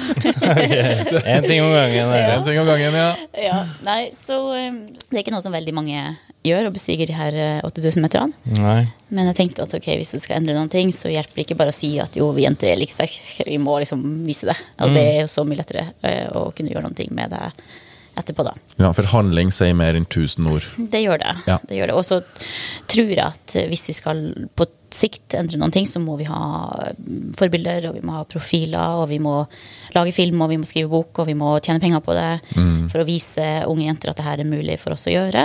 Og vi må utfordre bransjen til å endre noen ting. Så det er noen norske utstyrsleverandører som kommer til å få et besøk hos meg, og meg i august. Ja. Fordi det var noen av dem som lovde eh, bedring. Fordi man ser jo på hjemmesida deres hvem de støtter. Ja. Og når de da støtter 20 menn og to damer Og det er masse damer som vil på tur, og som, eh, som hadde fortjent å få midler fra de her leverandørene. Ja. Så, eh, så, sånn, så sånn begynte det egentlig. Og fant ut at jeg måtte dra tilbake til Nepal og prøve noen mer tekniske fjell. Fordi at Everest ikke er veldig teknisk, Lhotse er heller ikke er veldig teknisk. Nei. Så jeg tenkte at ok, flere av de her 8000 meterne er jo betydelig mer tekniske enn enn dem. Så jeg tenkte ok, jeg må prøve eh, et annet fjell. Så da dro jeg, så tok jeg et fjell som heter Island Peak, og Amadablam, som er nesten 7000 og veldig mye mer teknisk enn de andre. Så gikk det fint, og så hjem igjen eh, til Norge og jobba fortsatt med de sponsorene. Og det var fortsatt veldig vanskelig. Og altså, jeg skjønner det. Det er et veldig dyrt prosjekt. Ja. Og når jeg da med de to 8000 meterne mine kom og sa hva jeg skulle gjøre, så skjønner jeg at ikke folk trodde på det. Det skjønner jeg. Ok. Ja. Det har jeg veldig forståelse for. og så fant jeg ut ok, da selger jeg leiligheta mi. Jeg hadde jo da kjøpt min første når jeg var 16, og kjøpt og solgt en del og tjent litt penger og tapt litt penger. Og, Ja. Ja, okay. og fikk solgt eh, Jeg vet ikke om det var februar eller mars, eller noe sånt. Men hadde ikke overtakelse før i juni. Men jeg fant ut at ok, jeg må dra. Så dro i begynnelsen av mars 2022 og akklimatiserte. Og for etter hvert til Annapurna. Annapurna. Og det er det første fjellet eh, av de 14. Da starter reisa di. Ja. Ja. Og da skal du gjøre det innen seks måneder. Og seks dager. Ok. Ok, Så du bestemmer deg for å gå alle de eh, 8000-metersfjellene. Hvor mye koster det, eller hvor mye måtte du spare opp for å i det hele tatt klare å gjennomføre det? Ja, det er ekstremt kostbart eh, å gjøre de her. Bare Everest eh, kommer sånn Hvis du får det aller billigste, så er det kanskje på 350 000, og så betaler folk opp til 1,5 million. Ja. Men sånn normalt så kanskje 600 000 må du beregne på Everest. Wow. Ja, så det er ekstremt dyrt. Så når du da legger sammen at det her er da 14 fjell som skal bestiges, så skjønner alle at det er dyrt. Ja. Så totalbudsjettet var på 5 millioner. 5 millioner, ja. Mm. Men så hadde jeg jo vært veldig heldig og sikkert litt flink også, som fant ut at jeg skulle kjøpe meg en bolig da jeg var 16. Ja. Det var lurt. ja. Ja, så du bruker rett og slett eh, sparepengene dine, eller det oppsparte midlene da du har eh, investert gjennom eiendom og litt forskjellig? Ja, Og så fikk jeg med en, eh, en sponsor. Ja. Som, eller jeg fikk flere, men det var én stor da, som gikk under litt, litt penger. da. Og Ja, det, er det, det hjelper jo ikke å bare sponse utstyr. Man trenger noen som betaler litt når det gjelder sånne her ting. Det, det er såpass mye penger det er snakk om. Så, ja. Men ok, da skal du slå rekorden på seks måneder og seks dager, Mm. og første fjell ut er Annapurna. ja. Verdens farligste fjell. Og et veldig krevende fjell. Verdens farligste òg, ja. Ja, det er dødeligere enn K2. Mange tror at det er K2, Ja. men Annapurna er mye farligere. Hva er dødsraten der, da? Eh, er det sånn nesten 30% som dør på den? ja. Ja. Ja. Det er jo, vi har jo gjort litt research på K2, og der er det én av fire. da. Hvis vi er fire stykker som går opp, så er det én som ja mister livet. Ja, det er én av tre på Annapurna. Det blir nok det, da. Ja. Så det er klart det er et veldig, veldig farlig fjell, og sånn, det, er jo alltid sånn med det første fjellet, og ja, det er spent stemning i, i basecamp før man går opp, og det var problemer med å fikse tauene. Litt pga. vær, og litt pga. at det er et sånn teknisk parti som er krevende og, og utfordrende for å komme seg mellom camp 2 og camp 4. Ok. Mm. Og da, hvordan teknisk snakker vi da? Det er et sånn isfall der du har veldig mye sånne svære isblokker. Eh, og et sånn krevende terreng sånn sett å komme seg gjennom. Der du skal opprette isvegger, og så har du for plutselig svære isblokker hengende over deg. Og Oi. på tur opp der så bruker vi elleve timer fra camp 2 til camp 3. Og så eh, vet vi jo ikke veien videre. Nei. Men vi da ligger på en isblokk med en isblokk hengende over oss. Ja. Og så er da teltet vårt inni den kroken her. Og den første natta så var vi ett telt der med fem stykker i. Og det er sånn tremannstelt, så det er jo forferdelig eh, trangt og klaustrofobisk. Og eh, det vi ikke visste, var at det var egentlig veldig kort til neste camp. Men vi bestemmer oss for å bli en dag til der. Okay. Oh, ja. Og den natta så kommer det ett telt til, og det er fem i det, og så er det fire i et til telt. Og når vi er så mange på denne isblokka, da, så øh, er nok ikke isen helt fornøyd med det. Så i løpet av natta så beveger den seg så mye at det ene teltet må flytte i løpet av natta, for det sprekker opp. Og eh, vi er fem i det teltet, og en stor mann ligger ved siden av meg. Og jeg ligger helt klistra inn til teltduken. Og det er så klaustrofobisk, og så tar han armen rundt meg og holder rundt meg sånn. Og så bare sier jeg sånn Åh, vi kan ikke ligge sånn. For det var liksom klaustrofobisk nok som det var der. Og så sier han ja, men jeg er så redd. Ja, men du, det tror jeg jaggu jeg har vært. Også. Ja, jeg holdt meg fast, for å si det sånn. Ja, så um, ja, det um, kommer ut på morgenen, og alle begynner å pakke sammen. Og når vi da står ute på den isblokka, så begynner det plutselig å buldre og bare lage forferdelig masse lyd og riste, og alle skriker og løper i alle retningene, og ingen plass å gjøre av oss. Og så er det jo over veldig fort, så man rekker ikke å bli redd engang når det skjer sånn. Det bare går så fort. Ok. Så krevende tur opp, og går etter hvert fra Camp 4 og mot toppen. Og ganske sånn lang summit push. Vi brukte vel 14 timer opp, og ganske langt. Det var sånn um, 1400 høydemeter. Så en, eh, en lang bestigning og krevende fordi at tauene ikke var ferdig fiksa på forhånd. Så de, det var en skjerpa team foran oss som fiksa mens vi gikk, da. Og hadde ikke nok tau, så vi har et langt parti uten tau. Og det er ikke så bratt der, så det gikk helt fint. Men det som skjer når vi kommer ned etter å ha vært på toppen, så var vi veldig raske, jeg og de sherpaene mine, og kom tilbake til Camp 4 tidlig. Men uh, vi var først nede, og da var alle ennå oppe, og det kommer en forferdelig storm. Og alle dem som er over det partiet der det ikke er tau, de setter seg ned og venter på at det skal klarne opp. Og de hadde jo venninner som var der, og de bare trodde jo vi skulle dø der fordi de ikke visste om det den opp, eller om de blir sittende der hele natta. Ja. Men de visste jo at vi kunne ikke begynne å gå, for de så ingenting. Så- Da er det helt white out, Helt og det er, det er ikke forsvarlig å gå en meter. Nei, du, kommer aldri til å treffe på rett vei. Det er så, så enormt fjell.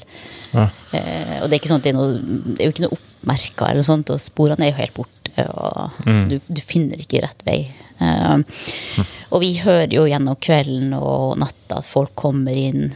eh, og når vi våkner på morgenen, så er det to stykker som ikke er kommet inn.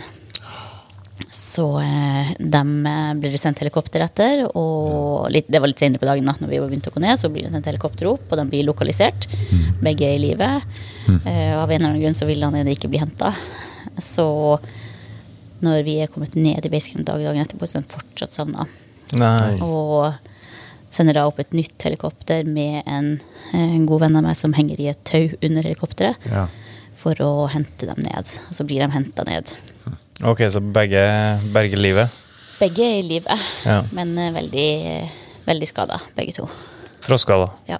Ja. Det er også forferdelig. Så um, det er forferdelig trist, men alle var jo selvfølgelig veldig glad og letta for at de var i live. Hvor, ikke det. hvor store skader snakker vi nå? Eh, nei, han Tim, en god venn fra Sverige, han er ikke så ille. Han har kutta tuppene av eh, fingrene. Han andre er det verre med. Ja. Mm. Så eh, ja, så det er veldig kjedelig når sånne ting skjer. Og mm. det er jo en, dessverre en del av gamet, og for oss som er på alle de her, så ser vi jo stort sett på hver eneste topp. Uh, enten folk som er omkommet, eller folk som dør, eller folk som blir borte. Det, det vet vi kommer. Ja. Ja. Du blir ikke prega av det? Nei, men det blir en påminnelse om at det ikke er ufarlig, at man må være til stede, og du må være skjerpa og liksom klar. Det, det er ikke noe å tulle med, liksom. Nei, eh, Det er det er en alvor, altså. Ja, det er det. Ja. Så, men det, det tvinges også litt frem når man kommer dit, og spesielt jo mer krevende det blir, og jo høyere opp man kommer, så, så, så blir man liksom tvunget inn i en verden der man må være fokusert på der man er. Ja, det er jo også veldig deilig. Mm. Slippe å tenke på alt annet som skjer i verden. Men du klarer å bestige Annapurna, og så hva er neste på lista da? Ja, så er det videre Daulagiri. Også et krevende fjell med veldig mye snø, så vi sliter den toppnatta. Fra eh, siste campo og mot toppen så er det så mye snø at vi finner ikke tauene. Vi graver og graver og graver, og vi klarer ikke å for finne det tauene. er jo- er jo et aspekt man Ja, ja, forhold til. Ja. Og det er så mye snø, og vi bestemmer oss til slutt for å sitte ned og vente på dagslys. Så vi sitter i to timer, og det er klart at da blir man kald. Eh, Det er faktisk kanskje det eneste gangen jeg har vært sånn kald, ordentlig kald. Ja, okay. Fordi at vi er i bevegelse. Eh, og eh, sitter nede og venter, og etter to timer så begynner vi å gå igjen og finner veien og når toppen. Kommer oss ned og rett videre til Kansenjunga Kanchenjunga. Neste topp. Og det er sånn Ja, mange syns at Kanchenjunga er veldig krevende. Langt toppstøt. Og vi kommer oss opp til camp 4. Der er ikke mye folk. Det er veldig lite folk. Og så etter en time eller to så blir jeg dårlig i magen igjen. Nei, nå bare søren, altså. Eh, ikke noe tvil om at det var vannet. Eh, og ja, jeg var tre ganger på do før jeg skjønner at ok, det er ikke noe å drikke mer på denne turen. Og vi når toppen og kommer ned, og da får jeg cola i Camp 4, og det er så godt. Men fortsetter litt ned, og så fortsetter jeg å drikke på det vannet. For da tenkte jeg ok, nå er jeg bra. Ja. Og fortsetter å drikke på det vannet, og etter jeg har drukket det, så er det bare pff, med en gang. Okay. Så eh, ja, det var nok ikke helt, eh, helt bra, det der. Ja, for det vannet det kommer ikke fra noen krane, det må du bare koke smelt snø og koke, koke det. Ja, Ja, det er sånn. det er sånn det Så det Ja. Men vi når for Kanchenjunga og kommer til Everest igjen. Og helt annet liv i Everest Base Camp med det sirkuset som er der, og så mye folk. Ja. Sammenligna med de her andre fjellene der det er veldig lite folk. Og tenker da at eh, Everest er så utrolig mye lettere enn Annapurna, Dalagiri og Kanchenjunga. Og vi starter opp på, på Everest, og forferdelig vind i Camp 4. Og vi er de eneste som skal opp den dagen. Ja, og vi har jo litt tidspress Ja. på seg for å rekke å bli ferdig med de seks som vi hadde planlagt på våren. Mm. Så vi starter ut, og det er 50 km i timen på toppen. Og Evres blir en ekstremt krevende tur. Mm. Eh, Vi hadde et mål om å gjøre Evres, Lotse og Makalu på kortere tid enn NIMS, som var sånn Var det 48 timer? Nei, eh, seks, nei, jeg husker ikke hvor tid, men kort tid i hvert fall. Ja, okay. Uh, og vi skjønner da at ikke det går, fordi at det er altfor krevende forhold. Ja. Men vi når Evres etter bare syv timer. Okay. Men planen var å bruke lengre tid opp, for tida starter når vi forlater toppen. Oh, ja.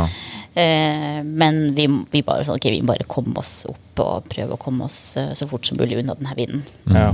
Så det ble en veldig krevende tur, og ned til Camp 4. Da er det jo ikke et menneske der, så vi har jo ingen kø eller noen ting. Og, Digg, da. Ja, det var veldig fint. Og så var det rett opp til Lots igjen. Og ja, selvfølgelig deilig å være tilbake der og ha en utrolig fin eh, mm, kveld oppe på toppen. Ja. Så var vi på tur ned. Har en utrolig fin solnedgang, og vi ser Everest. Ja. For de ligger så nært, de to fjellene. Og så tenker jeg bare ok, nå Everest, nå ses vi ikke neste år. Ha det bra. Men nå ses vi jo igjen, da, i 2023. Ja, vi skal komme tilbake til det. Ja. og lang, lang dag totalt, for vi bestemmer oss for å gå helt ned til basecamp og gjennom det isfallet. Og det isfallet har altså aldri vært lengre. Og det har jo gått ganske mange ganger opp og ned i 2021 pga. Ja. den akklimatiseringa. Og, Ja. og det gikk veldig fort opp eh, når vi gikk isfallet i 2022. Og så tenkte jeg bare ja, ja, kan det ikke være så langt? Men det var så uendelig, det isfallet. Og vi når basecamp etter 28 timer Oi. prøver å få helikopter. Da er vi nede tidlig på morgenen. Altså da over et døgn siden vi forlot Camp 4. Ja. Og vi prøver å få helikopter samme dag til Makalu base camp. Og Ja, kommer okay. oss halvveis, og så klarer vi ikke å fly mer pga. dårlig vær. Ja, okay. Så da røyk hele den eh, rekordforsøket. men vi Ja, tok jo nemlig. likevel en ny rekord fra Everest til Lotse, så vi tok den på 8 12 timer. Ja. Så Og det er stående verdensrekord. Ja, det er det. Så jeg hadde Wow. med meg han eh, samme sherpaen som jeg hadde i 2021. Ja. Så Mm. da tok vi jo begge de to i lag, da. Ja. Så det var fint. Så Makalu. eh, Da begynner vi å nærme oss monsuntida i Nepal. Og da er det jo mye mer nedbør, så vi vil på en måte være ferdig så tidlig som mulig i, i mai, før det begynner å komme nedbør. Men ganske krevende på, på Makalu med mye eh, nedbør der òg. Sliter også med å finne tauene der, men når den siste toppen og er selvfølgelig veldig fornøyd med det. Og tar rekorden fra Nimstad, så vi gjør det én dag raskere enn han de seks eh, fjellene. Ja, Ja, fordi jeg, kan, jeg, har, eh, jeg har dem foran meg her. Og dere starta da i Annapurna 28. april. Så var det Deolagiri eh, 8. mai. Kanchenjunga 15. mai. Everest og Lotse 22. mai. Og Makalu 27. mai. Og så skal vi over til Pakistan. Så jeg rakk en liten tur via Norge og flytta ut av leiligheta. Og Du gjorde, det- ok, du gjorde det i mellomtida. Du var innom Norge ja. Ja. i juni, da ble jeg. det. ja, i starten av juni sendte flyttelasset mitt nordover og rett til Pakistan. Ja. Pakistan er jo noe helt annet enn Nepal. Ellers så har jeg vært mange ganger i Nepal og kjenner både folk og kulturen der, og Pakistan er noe helt annet. På hvilken måte det? Nei, som, som dame så går du ut, og du ser ikke det er noen kvinnemenneske i det hele tatt. Det er bare menn du ser. Og spesielt i området rundt Nanga Parbat så er det militært. Mm. Terrorangrep der for en del år siden i basecamp på Nanga Parbat. Oi. Oi, ja, såpass. Eh, så det, det er en helt annen sånn sikkerhetsgreie der enn hva det er i Nepal. I Nepal har jeg ingen problemer med å gå ute i Katmandu Nei. alene på kveldstid. Eller, Mens eh, Pakistan så kan man jo ikke gjøre det. Nei.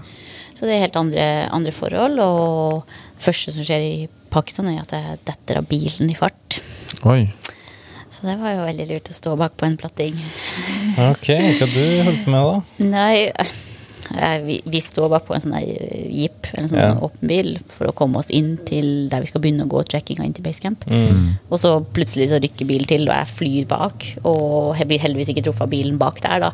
Men jeg trodde at armen var brekt i noen dager. Men eh, det gikk seg heldigvis til. Og så tenkte jeg at ja, jeg kan alltids klatre noen fjell med en brukket arm. Det går bra. Så klart kan du det. Ja. Og kommer da til Nanga Parbat basecamp, veldig fin, men også da mye mer utrygg. Og Nanga Parbat er kalt Killer Mountain. Sånn veldig Ja, det er et farlig fjell, og det er et, eh, kanskje det fjellet som er mest teknisk fra camp 1 til camp 2, der du møter en fjellvegg. Kingshofer Wall, som bare er en sånn teknisk eh, fjellvegg som du må opp. Så det, ja. 8126 meter. Mm. 1. juli. 1. juli, det stemmer. Så er vi i gang igjen i Pakistan. Så det var veldig fint å komme i gang. Og på tur ned til basecamp etter å ha vært på toppen, så er vi sånn to minutter under basecamp. Vi er egentlig i basecamp. Så skal vi ned en sånn uttørka elv, som ikke er veldig dyp, men det er tau der. Og når jeg drar i det tauet, ganske langt nede, så kommer det en svær tau. En svær stein og bare smekk på låret mitt. Oi. Foten var bøyd, og så hadde telefonen her, så den treffer jo ganske høyt oppe på, på, På låret. låret. Ja. Og er da liksom så langt unna hodet. Eh, Hvor stor var- den, den så ikke du kom. Nei. Som en fotball. Men den kom jo ikke så høyt ovenfra. Nei. Men allikevel nok til at telefonen min var helt knust og bøyd, liksom. og Pakistan er så mye vanskeligere i forhold til helikopter. Nepal Ja. så får du helikopter på en time. Ja. Nesten uansett, foruten hvis det er for dårlig vær. Mm. Mens her så er det jo en lang prosess via det pakistanske militæret. Oh. Og en helt, helt annen pris. Så um, vi bestemmer oss for å gå ut altså samme dag som vi kommer til basecamp, eh, for å komme inn på sykehus. Og går da Bruker en halvtime på en kilometer, liksom. Oh. Det er så vidt jeg klarer å gå fremover. Men etter tolv timer så når vi bilvei, og så Ja. har vi da tolv timer i bil. Før vi kommer til Skardu og inn på sykehus der. Og Ja. han legen sier bare at du kan ikke klatre mer. Og så sa jeg Hadde du brudd, eller? Nei, heldigvis ikke. Uh, men vi visste ikke det. Mm, For de tar ikke noe, tok ikke noe bilde. eller Ja, nei, okay. Og det var ikke noe røntgen og Nei da. Det er litt andre forhold på et sykehus i en landsbygd i Pakistan. Jeg forstår. Ja. Så men han sa at jeg ikke kunne klatre mer, og så sa jeg bare at det må jeg. Mm. Og så var vi nok litt heldige fordi vi fikk et sånn eh, dårlig vær på K2. Mm. Og for min del var det jo helt uaktuelt å gå inn til basecamp. Jeg skulle egentlig gå inn, men det var helt uaktuelt, så da ble det et helikopter inn. Mm. Selv om det koster ekstremt my- mye. Men jeg var sånn, jeg må. Ja, For nå er K2 neste. Da fikk vi heldigvis to og en halv uke med venting, og da fikk jeg jo hvilt foten. Og jeg ble ikke bedre, og etter to uker så ringer jeg til venninna mi som er lege, og så spør jeg liksom hva skal jeg gjøre, liksom, er den brekt eller hva? Og hun bare nei, du må bare prøve å hvile, og så får du bare se hvordan det, hvordan det går. Ikke sant. Og vi skal da starte opp eh, til K2 på natta. Og den morgenen, altså natta før, morgenen før vi skal starte opp, så blir jeg dårlig igjen. I magen. Ny runde med matforgiftning. Å, herre. Og helt uaktuelt å starte den natta. Mm, Men jeg vet jo at de her rundene kommer. eh, Så jeg har eh, gode medisiner som jeg må ta. Ja. Og venter et døgn og starter opp dagen etter alle de andre. Og så tar jeg dem igjen i camp 2, da. Ok. Og ja, har en god venninne med meg der, og vi møtes i camp 2 og i lag til camp 3, og så til camp 4, og så er vi på toppen samtidig. Og ja, mange kjenner jo Kåto som et krevende og vanskelig fjell, og for min del så var Kåto eh, det letteste fjellet i Pakistan, og et av de lettere av alle de tolv som jeg har besteget. Ja. Oi. ja, det er interessant. Nå vet vi at du møtte på en uh, gammel kjenning på tur opp til K2. Uh, nemlig Frank Løke. Han har vi jo hatt på poden tidligere. Eh, men han sa jo til sammenligning at å gå på Mount Everest, det var en påsketur. Mens K2, det var det mest krevende han har gjort igjen. Ja. Ja, for min del så var det definitivt ikke det. Det var et veldig enkelt eh, fjell og hadde det sånn eh, godt vær og gode spor og Ja. ja. Så det var en veldig enkel bestigning for, eh, for min del. Kort fra camp 4 til toppen.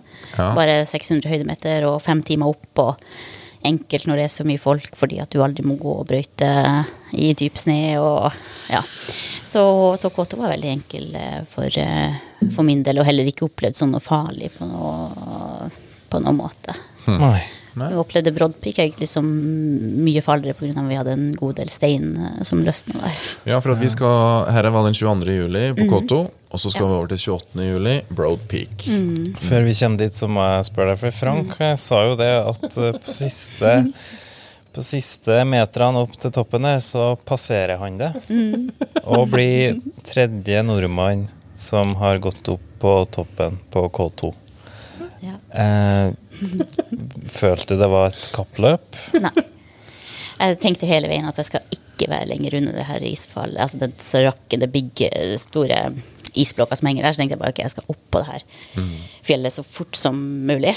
Eh, og nådde toppen da ja, egentlig samtidig som Frank, men han var før meg oppe eh, på, på flagget. Og eh, ja, ikke noe, noe kappløp. Vi hadde jo et sånn um, kappløp i forhold til å bli den raskeste over de fem høyeste fjellene i verden. Ja, og det så vi jo i sånn spill på litt tidligere, spesielt i Camp 3, der det var ikke alle som ville at vi skulle starte opp til toppen den 22. Mm. For hvis vi nådde toppen den 22., så ville jeg bli den raskeste i verden da, over de fem høyeste fjellene i verden. Oh, ja. Og så klarte vi jo det. Um, så den rekorden har jeg jo fortsatt. ja, ja. Så Ja. det, var jo, um, det, var jo, det var jo bra, eh, men eh, sånn alt i alt så var ikke det heller så viktig eh, der og da. Det er jo mye viktigere, liksom, det totale prosjektet var jo mye viktigere også Ja, ja. da. Eh, Du tenkte jo mye større på det eh, enn Frank. Han er jo en konkurransemann som sikkert tenkte Her er bare Skal opp først. Men altså, hvem som bryr seg om å bli nummer tre i Norge? Jo, tydeligvis han. Ja, det har liksom aldri vært min målsetning, kanskje utenom å bli i langrenn, liksom. Ja. Eh, Da er det liksom greit å bli nummer tre i Norge. Men uh, jeg driver ikke og jakter på så mye tredjeplasser i norsk sammenheng. Det er godt å høre.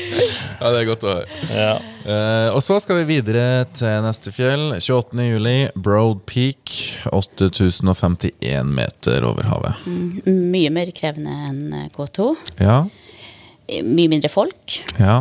Uh, Fra Camp 3 og mot toppen så kommer det først et skred, eh, som jeg står midt i. ja. Snøskred. Mm. Steinskred. Snø. Ja. Ja. så det var mye snø eh, ja, oppe på toppen der. Og Mm. jeg tror det var like mange eller flere som døde på Broad Peak i år som K2.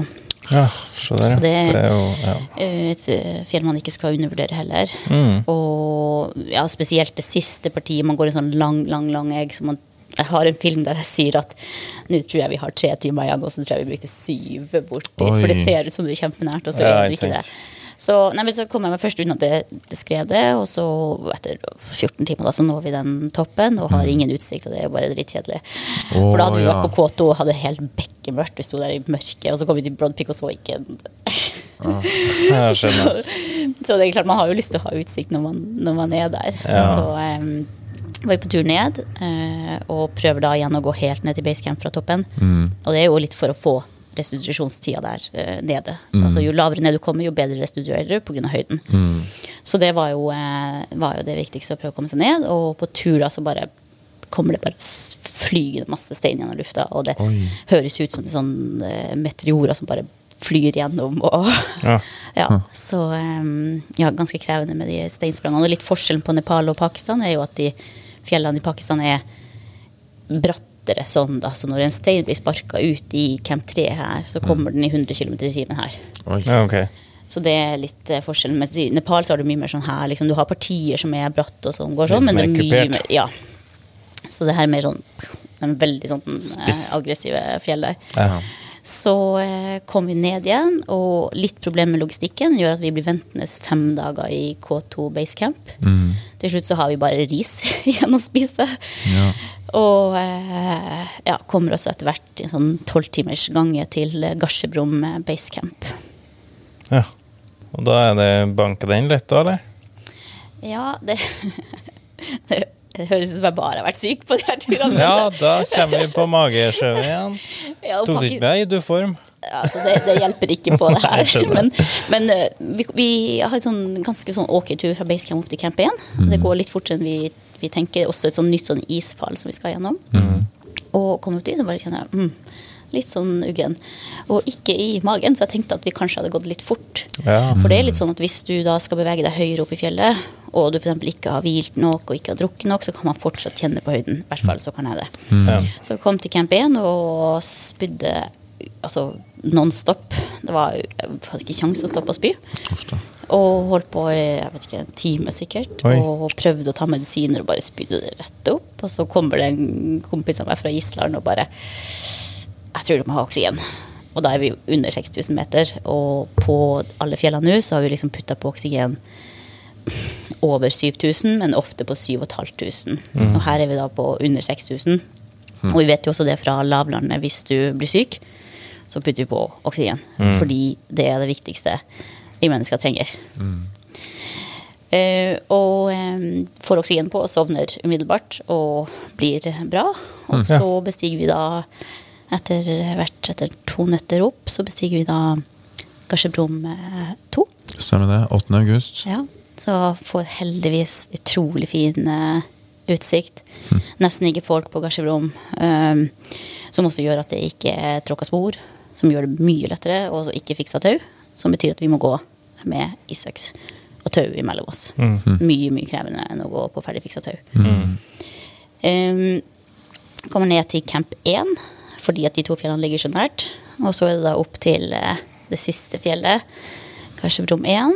Eh, krevende tur fra camp 2 til camp 3 med forferdelig dårlig vær og ni timer opp, og vi kommer dit sånn, nesten sånn våte dundresser. Og de andre som er der, bestemmer seg for å sove en natt for å tørke, og så gå til toppen, mens vi gikk rett opp.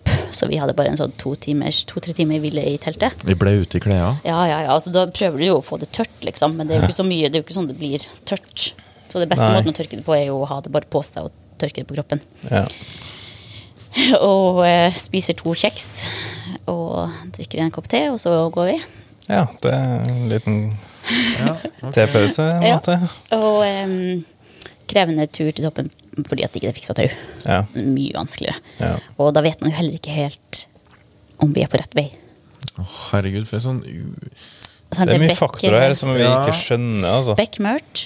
Og vi går og vi går og går. Og jeg er sånn, er det her rett vei? Og du klarer ikke så mye å se noe retning i det hele tatt. Og fjellet er jo svært, liksom. Så etter mange timer så trør vi plutselig på tau. Og jeg er bare sånn, åh, på gamle tau, da.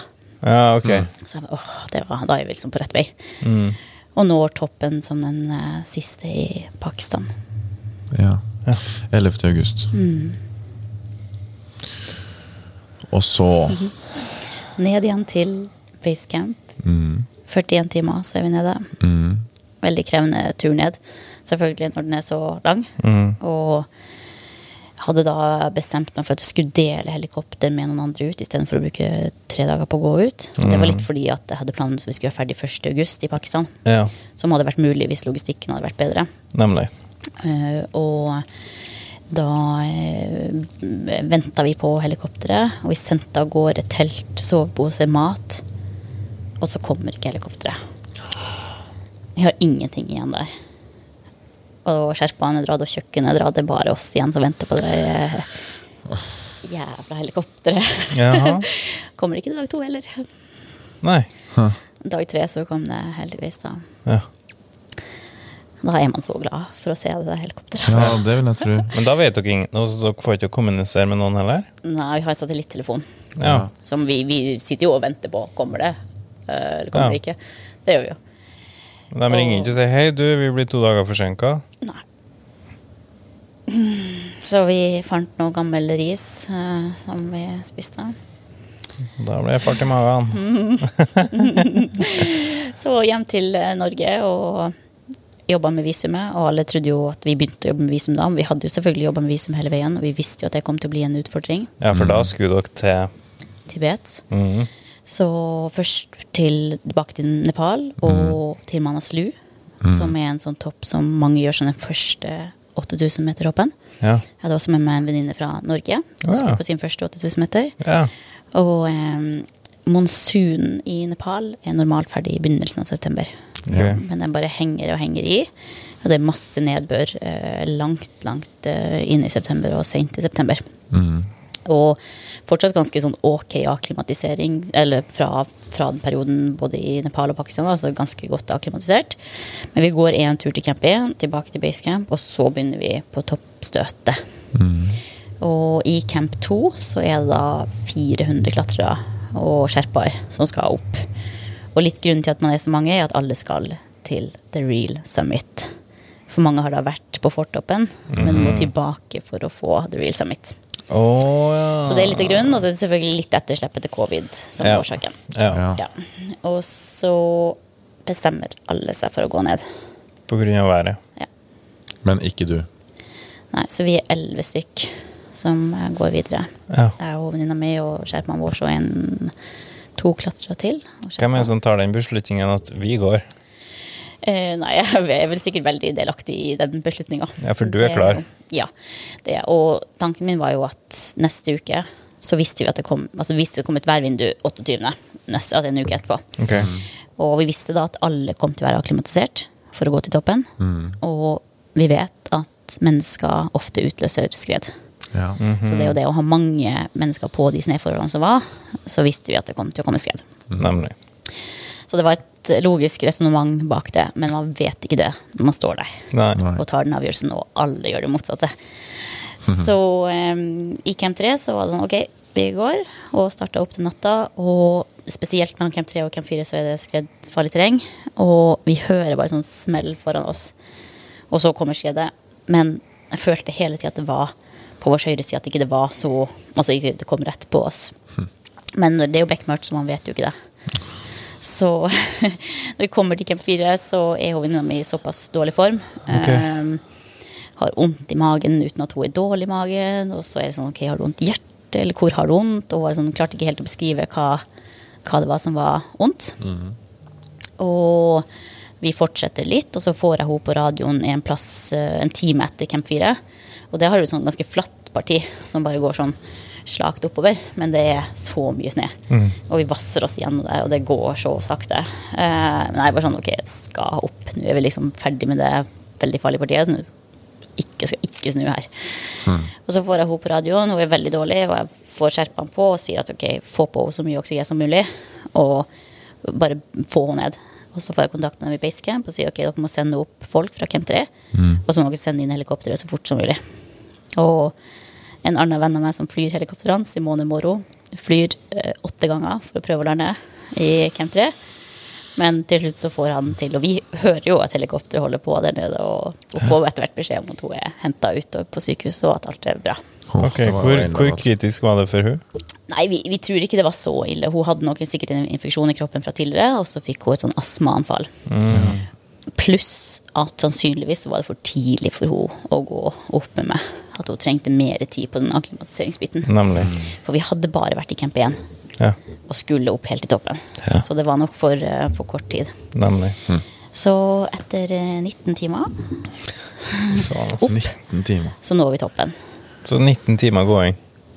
Ja, og det var så mye snø. Altså, det var sånn vi, at vi bare krøyp opp på denne snøen for å prøve å komme oss, og det var så mye snø. Ja.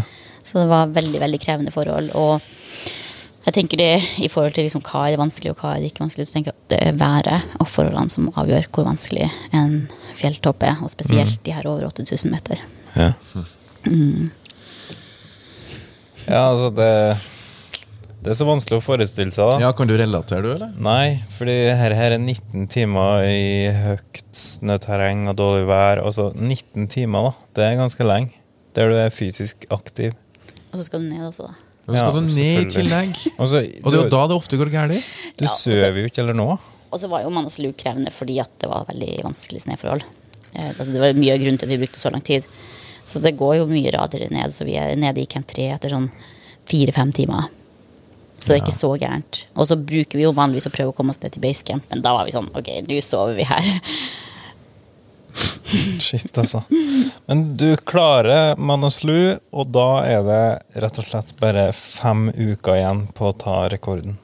Ja, her er 22. september. Du har banka deg gjennom tolv fjell. Du mangler to. Mm. Bare det er jo en prestasjon i seg sjøl. Var du fornøyd? Da var det litt sånn mm, Yes, nå er det bare to igjen. Nei, Nei det var det ikke. Nei. Men jeg var jo selvfølgelig glad for at det gikk bra. Ja. Og vi kommer ned til Katmandu, og forferdelig stemning der fordi at det har vært en eksplosjon i Katmandu. Okay. Så på kontoret til han Nimstai, han har jo da et eget ekspedisjonsselskap som starta etter sitt prosjekt i 2019. ja. Og mm, ja, veldig mange som vi kjenner er veldig berørt av, eh, av det som skjedde der. Tre stykker er omkomne. Oi. Og vi venter og jobber selvfølgelig med visumet fra Katmandu. Og så går det da en uke, og så er det da skred overalt på Manaslu, og mange som omkommer. Og hele miljøet er veldig prega selvfølgelig av det. Og eh, vi bestemmer oss da etter hvert for å prøve Choyu fra Nepal-sida. Mm. Og bli sittende værfast fordi at det fortsatt er vanskelig vær. I Lukla i en uke. Og kommer oss etter hvert til Choyu Base Camp. Og eh, ja, er, vi har sherpaer som er oppe i Camp 3, men den har ikke vært besteget fra den ruta før. Aldri. Nei. Det har vært noen som sier at fjellet har vært besteget fra Nepal-sida for 30-35 år siden. Det kan ikke dokumenteres. Jeg vet ikke, ikke sikker, men det er ikke en vanlig rute. Det er det Nei. ikke. Det man tar den som en relativt enkel 8000 meter fra Tibet-sida. Ja. Så eh, vi venter der, og jeg prøver all slags mulige måter eh, på hvordan vi skal rekke det her i tide. Og til slutt så får jeg da en telefon hjemmefra. Da tror jeg vi hadde seks dager igjen. Mm. Om at, Altså eh, seks dager før du kunne slå rekorden. ja, Ja. så, vi hadde jo, så det gikk jo fra fem uker, så det gikk jo utrolig mye sånn bare ventetid. Ja. Der vi prøvde all slags mulige løsninger og hadde god dialog med, med Kina om å få komme inn. ja. Og um, ja, følte egentlig at vi hadde prøvd det som var mulig å prøve. Hvem du ringer til da? Er det Gerhard Heiberg. Ja? Ja. Så han har vært veldig involvert. Kinesiske ambassadøren har vært veldig involvert. Og norske politikere har vært involvert. Oh ja, det, er det, er på høyt, høyt politisk nivå. Ja, det er det. Og til syvende og sist så er det covid-restriksjonene som setter en stopper for det. Så jeg får en telefon hjemmefra som sier at nå er det over. Nå går det ikke mer. Ja. Shit. Vi har ikke fått ja i dag, og tida er ute for å rekke Ja. De to de siste. to uh, som var igjen. Så trodde jeg jo ikke på det sjøl. jeg tenkte fortsatt kan det gå? Ja. Eh, Men eh, jeg bestemte meg i telefonen ja. for at jeg skulle prøve på nytt. Var det da aktuelt å bare vente ut ei uke eller 14 dager til for å bare ta alle 14 den sesongen, eller var det bare vet du hva? Ja, altså Hvis vi hadde fått tillatelsen da, Ja. bare en uke for sent, så hadde Ja. jeg sikkert gjort det. Men den kom aldri. Nei. Nei. Og vi visste det også fordi at det, det var fullstendig stengt eh, i Kina. Og det er fortsatt ikke åpna for turistvisum i. Kina. Så det var jo det store problemet. Mm. Så em, ja. Men jeg ringte hjem og så sa at ok, jeg skal gjøre det på nytt neste år. Og da trodde jo alle at jeg skulle bare fullføre med de to som jeg mangler. Men jeg skal gjøre de to som jeg mangler to ganger. Og så skal jeg gjøre alle de tolv som jeg har gjort. Ja. Sånn at jeg får dobbel 14 på ett og et halvt år. Og det er det vel ingen som har gjort. Det er det ingen som har gjort. Så jeg tenkte at ok, ja, det her er jo kanskje en bra mulighet til å gjøre noe annet, og noe som ingen har gjort. Og så tenkte jeg skulle prøve å gjøre da de 14 eh, som jeg skal ta eh, uten oksygen. Så blir det en annen dimensjon med det. Du skal gjøre det uten oksygen i tillegg, ja. Ja. Og det er litt fordi at jeg føler ikke at fjellene har vært så krevende. Skal du gjøre alle sammen uten oksygen? Det er målet. Og så vet vi jo at det her er et sånn ekstremt Ja. tidspress. Ja. Fordi jeg skal gjøre det på fire måneder, ikke seks. Herre. Og da vet vi også at eh, skal du gå uten oksygen, så må du ha bedre vær. Mm. Eh, fordi at uten oksygen så går du saktere, og du er kaldere. Ja. Eh, så sånn som vi gjorde på Everest i år, med den vinden som vi hadde, så hadde det aldri vært mulig Nei, okay. uten oksygen. Så det blir jo en sånn avveiing. Men det er viktigere for meg å ta toppen enn å gjøre det uten oksygen. Jeg Men jeg skal prøve så mange som mulig uten, og så får vi se hvordan været går. Ja. Men i og med at jeg skal være ferdig på fire måneder, så betyr det at jeg skal kjøre alle i Nepal og Tibet på våren. Og så skal jeg gjøre to av dem to ganger. Så det betyr at jeg skal ha elleve bestigninger i april og mai. Og så skal jeg ha de fem i Pakistan da i juli, og er ferdig til 1. august Det er planen neste år. i år. I år, vi er jo i 2023. Hun reiser om fem dager. Hun reiser om fem dager! Det skal sies, nå er det, Det er nå- Nå er det 22. februar, så du er jo på plass du før mars. Ja. Og vi mangler fortsatt visumet, men jeg er optimistisk, og vi har god dialog med Kina. Det åpner mer opp, Veldig bra. Så jeg håper at det kommer i løpet av denne uka. Hvis ikke så må jeg dra uansett for Ja. å begynne å akklimatisere. Eh, mitt første spørsmål her er jo, skal du da starte med Kina? Det er målet. Ja, Ja, okay. fordi da har du i hvert fall tikka den av, sånn at du slipper å ha det som et sånn hengende Ja. eh, moment som kanskje kan gå galt igjen. Så drømmesituasjonen nå er at jeg reiser på mandag Ja. og har én dag i Katmandu og krysser grensa 1. mars. Ja, Og så har jeg da én måned til å akklimatisere på Shishipangma. Ja, Og så tar jeg Shishipangma 1. april. Mm. Og ned i basecamp, og så opp igjen på Shishipangma. mm. Og så flytter vi oss til Choyu, og så tar Choyu én gang, og så tar Choyu to ganger. ja. Hvorfor skal du ta dem to ganger? For at du skal bli den første som har tatt alle 14 toppene to ganger på ett år. Eller på, Så, ja. ja, det blir jo ett og et halvt år. Et og et halvt år. Mm. Så um, Nei, jeg må ikke. Eh, men jeg vil.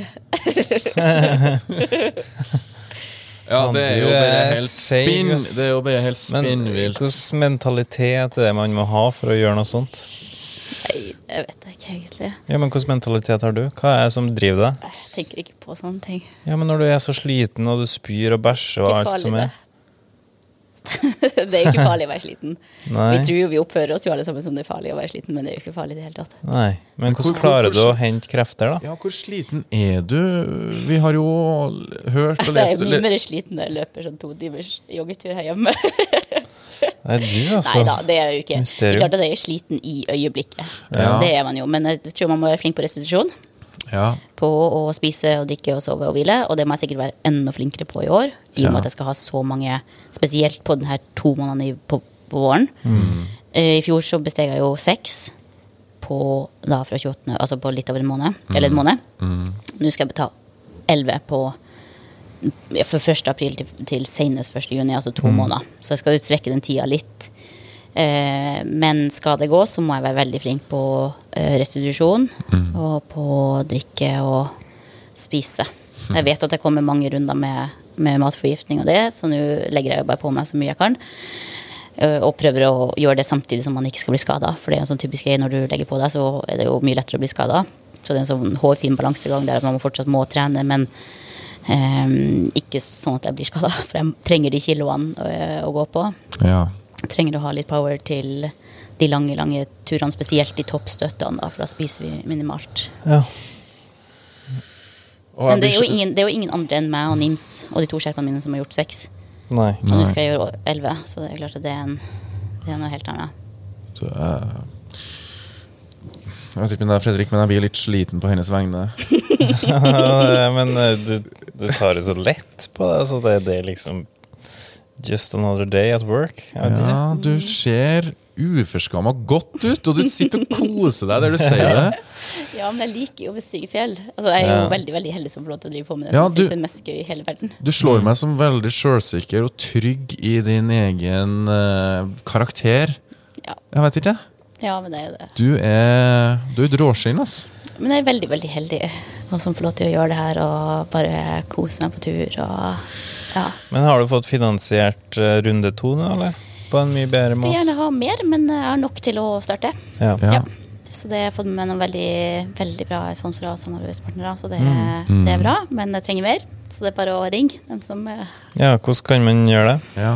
Ja, det er da å sende mail til post.kristinharald.com, eller sjekke ut hjemmesida mi, eller Instagram, eller Hva heter hjemmesida di? kristinharald.com. vi gjør det enkelt. Ja, ja, vi Ja, det. er- enkelt. Egentlig ofte det beste. Ja, så, eh, ja, så det er fortsatt mulighet for å være med på det her prosjektet. Ja. Og så blir det jo en film, eh, så jeg skal ha med en kameramann forhåpentligvis på alle toppene nå. Nei, skal Ja. du det? Ja, Å, så spennende. Det blir veldig bra. Vi har jo filma gjennom hele 2022. Ja. Ok. Så vi har en sånn blanding mellom å ha med kameramann og at jeg filma sjøl. Ja. Eh, Hva du filmer med da, om jeg spørre? Ja, det er litt eh, GoPro når det kommer høyere opp. Ja. Og så har jeg med meg et eh, lite sånn pocket Sony-kamera. Ja. Og så har jeg med meg et større Sony-kamera som jeg bruker mye da når jeg er lavere ned. Ja. Men jeg faktisk også hadde med på toppen. Ja, ja. Og det er jo sånn, litt redselen for å stå der uten batteri. Oh, ja. For en viktig del av sånn type rekordgreier er jo å dokumentere godt. For du kan jo si hva du vil, men du må jo gjerne dokumentere det. Ja, og så er det liksom, Hvis ikke jeg hadde hatt bildene og filmen nå, så hadde jeg nesten ikke trodd på at det var sant. Ja. Nei, synes, sant. Det er jo Så, sånn. så det, det blir kjempebra å ha med Field Production. Mhm. Så eh, skal vi jo selvfølgelig ha en bok eller to eller noe sånt når vi er ferdige også. Så det, Men den filmen, da, skal det eh, noen som har tatt tak i og skal produseres til noen TV eller serie? ja, vi, vi får se, men vi har god dialog med flere eh, internasjonale, så, eh, så Ja. jeg regner med at det går seg til når vi eh, kommer hjem med Det tror jeg òg. Skal ikke se bort fra at vi ser det på Netflix eller andre store aktører. Må kanskje bli en serie nå, for nå har det jo Ja, det så mye ut i tid at uh, ja. Men en Men- serie hadde vært fint. Har du noen tips da til annen Trening. Nei, um, har du noen tips til andre som kanskje drømmer om å ta en 8000 meters stopp? Ja, jeg ville definitivt ha begynt lavere. Ok. Ja. Mm, Hva du ville er begynt på?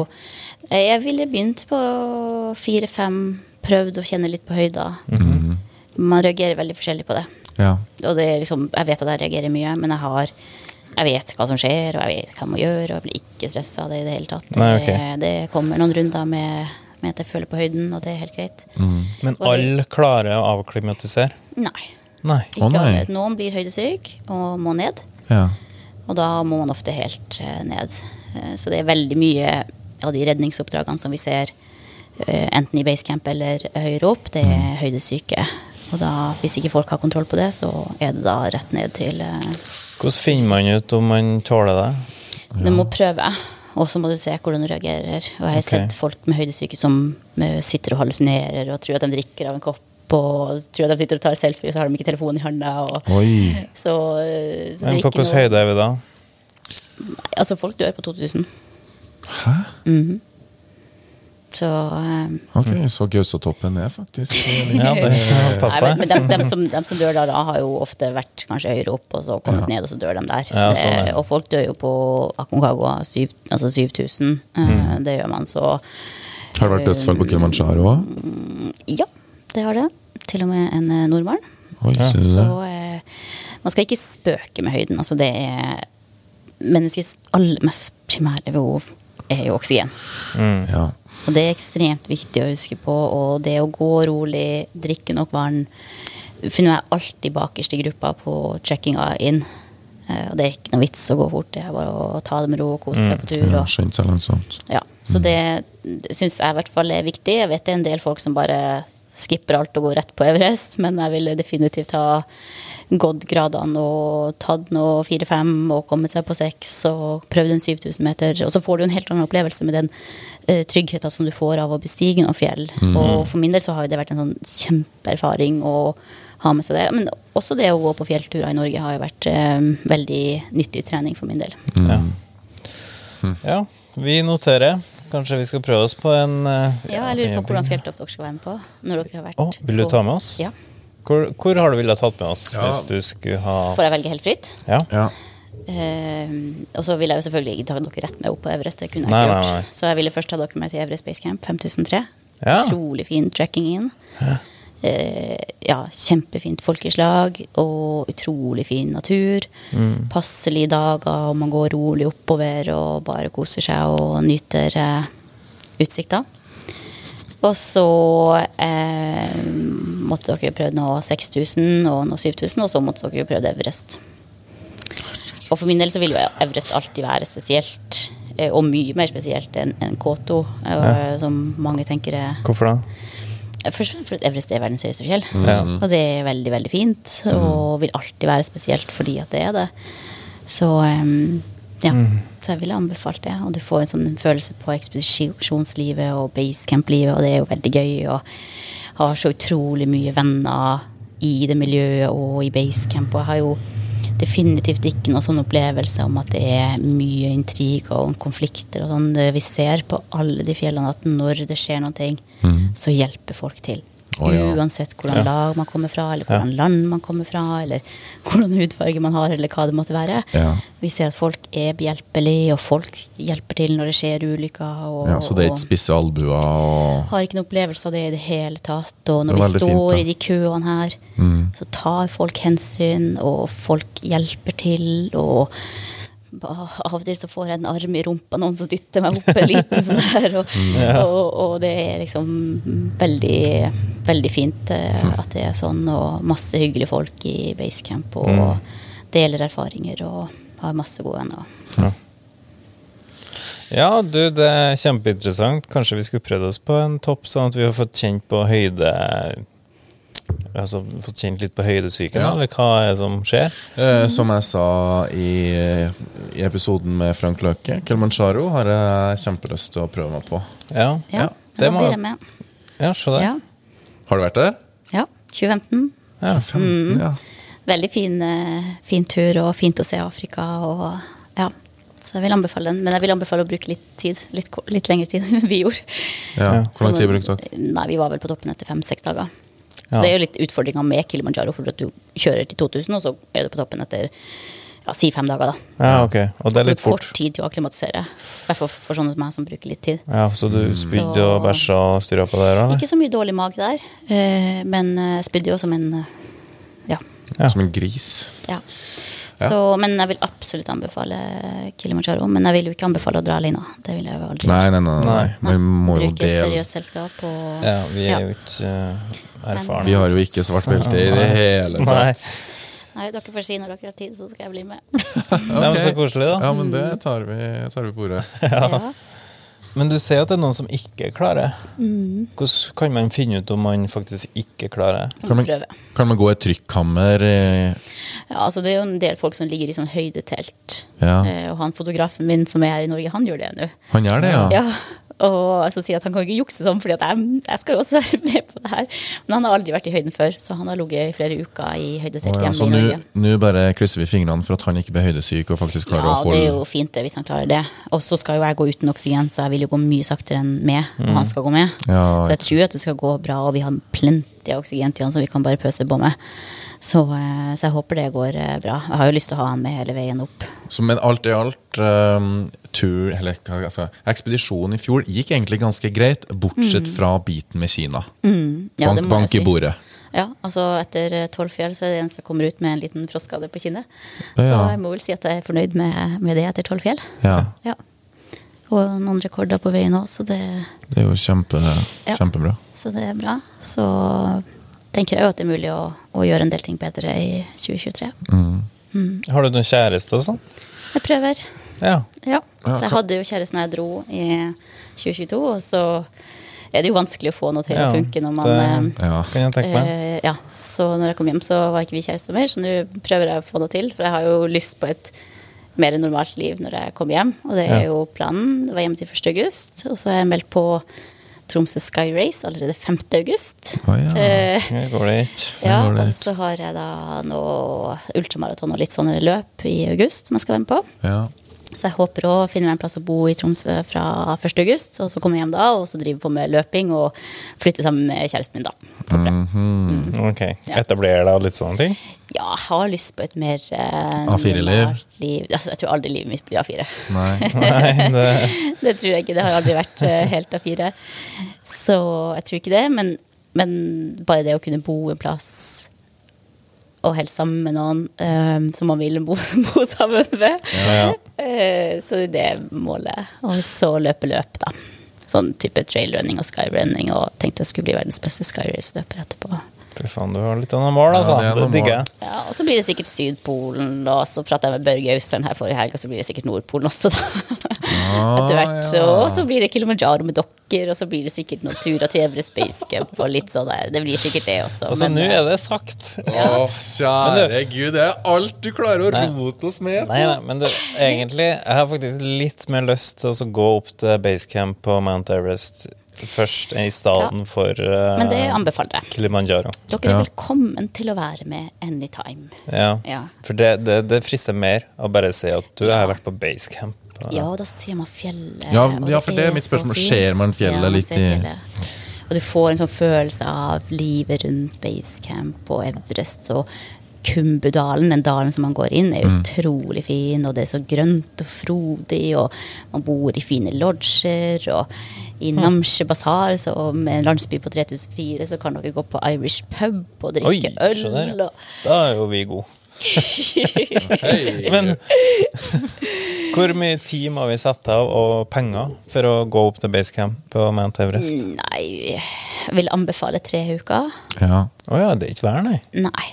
Eh, Fra vi reiser fra Norge? Ja. Og hvis vi gjør det i lag, så kan vi jo få det til ganske rimelig. Mm. Men eh, hvis vi skal gjøre det, så får vi jo gjøre noe gøy ut av det, da. Selvfølgelig må vi Vi skal ha med oss en kameramann, vi òg. Du er da kameramann. Ja, jeg er jo det. Ja. Så det må vi få til. Det hadde dere elska. Er sånn altså. da går man bare og koser seg og har det fint på tur og Ja. nyter utsikta og drikker masse vann og tar det rolig. Og Men mener du helt seriøst at du kunne tenkt deg å vært med oss? Mm. Ja, jeg tatt, jeg blir med. Tatt med oss? Ja. Du har vært vår guide. ja, det kan vi gjøre. Helt seriøst? Ja.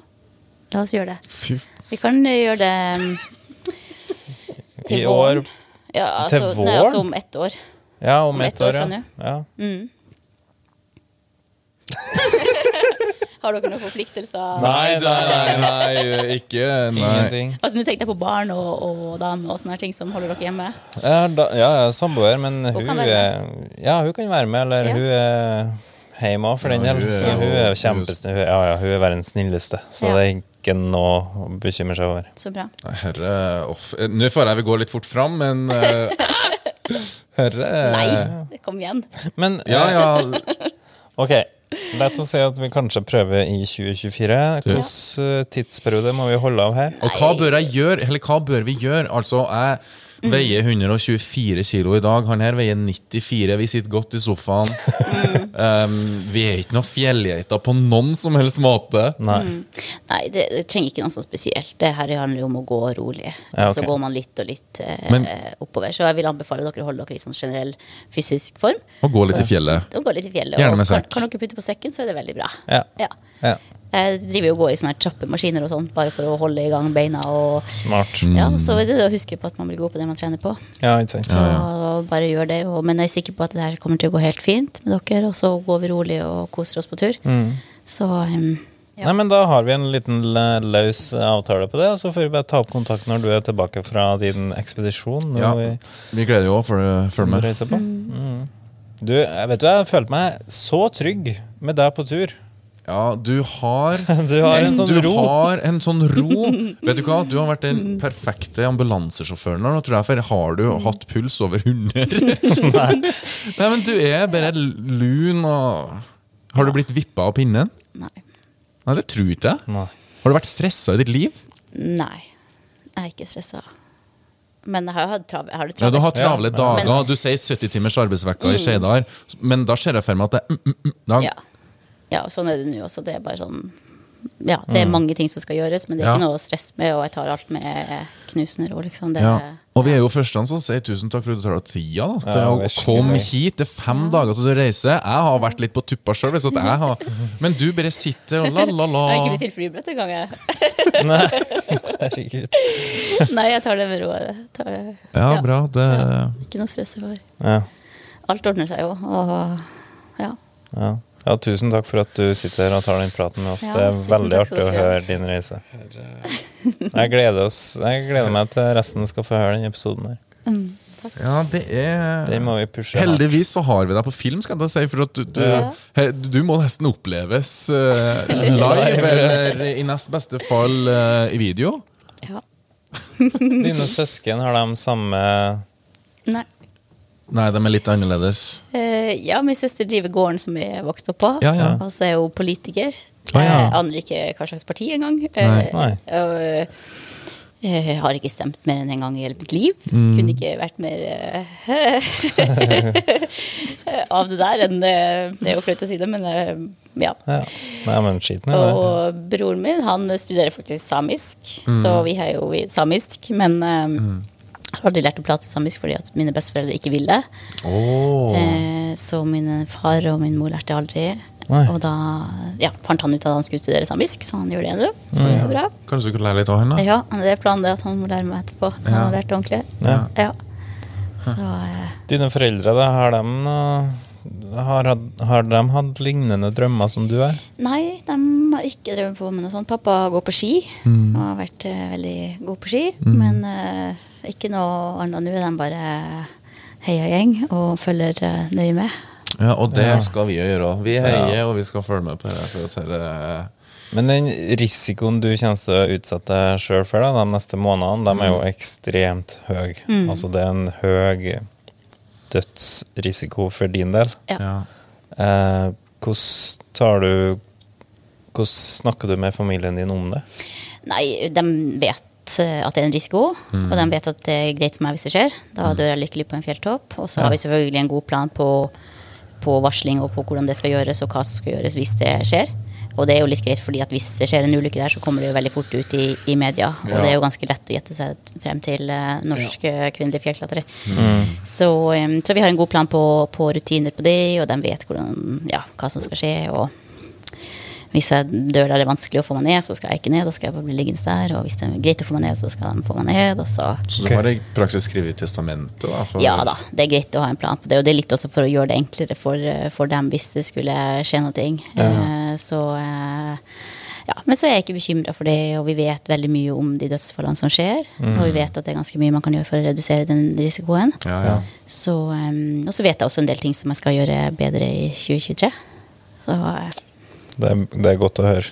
Ja. Det er veldig godt å høre. så jeg har trua på at det skal gå bra nå òg. Ja, du, jeg får mer og mer trua på deg. Det, Ja, du, jeg tror det er smart i avgjørelsene dine. ja, det tror jeg òg. Man må jo få prøve å tenke klart i de her situasjonene når man står og må ta noen valg om hva man skal gjøre. Og ja, det, det må man. Ja. Vi har en par spørsmål som vi alltid stiller gjestene Ja. våre. Så det ene er hva er ditt beste, beste helsetips? Gå seg en tur. Ok, gå seg en tur. Veldig bra Veldig bra sagt. Ja, så Ja, enkelt. så enkelt Så kan det sies. Ja, gå til jobben, eller gå, bare gå. Det er så enkelt, og vi har så godt av det. Ja. Og det gjør så mye for helsa vår. Um, hva er ditt beste treningstips? Gå en tur. Det samme? Samme. Ja. Ja, men det er jo det. ja, det Og så kan vi ikke bare begynne med det, liksom. Så Du har helt rett. Det, det enkelt. Ja, faktisk. Hvis man da føler at det er greit å gå, så kan man begynne å løpe litt.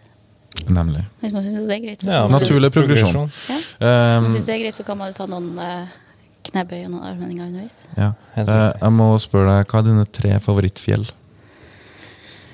Får jeg bare velge tre? Ja. Ja. Hmm, ja, Mount Everest må jo være der. Mm. Nummer én? Ja, jeg tror det. Eller at det er oppe i poolen der, da. Ja. Ja, det er veldig fint. Mm. Og vil alltid være spesielt. Ja. Uh, Gud, altså er jo Annapurna er jo veldig, veldig fint. Mhm. Eh, og hvis jeg må si i, i de der eh, høye fjellene, så er det jo Amadablam. Teknisk eh, 7000 meter, eller 6009. Mm. Ja. Dere kommer til å se det på tur inn til Everest Base Det er helt utrolig fint. Det ser ut som det ikke er mulig å klatre det, Ja. men det er det. Ja. Så det er superfint. Men teknisk og artig å klatre. Men ikke skummelt.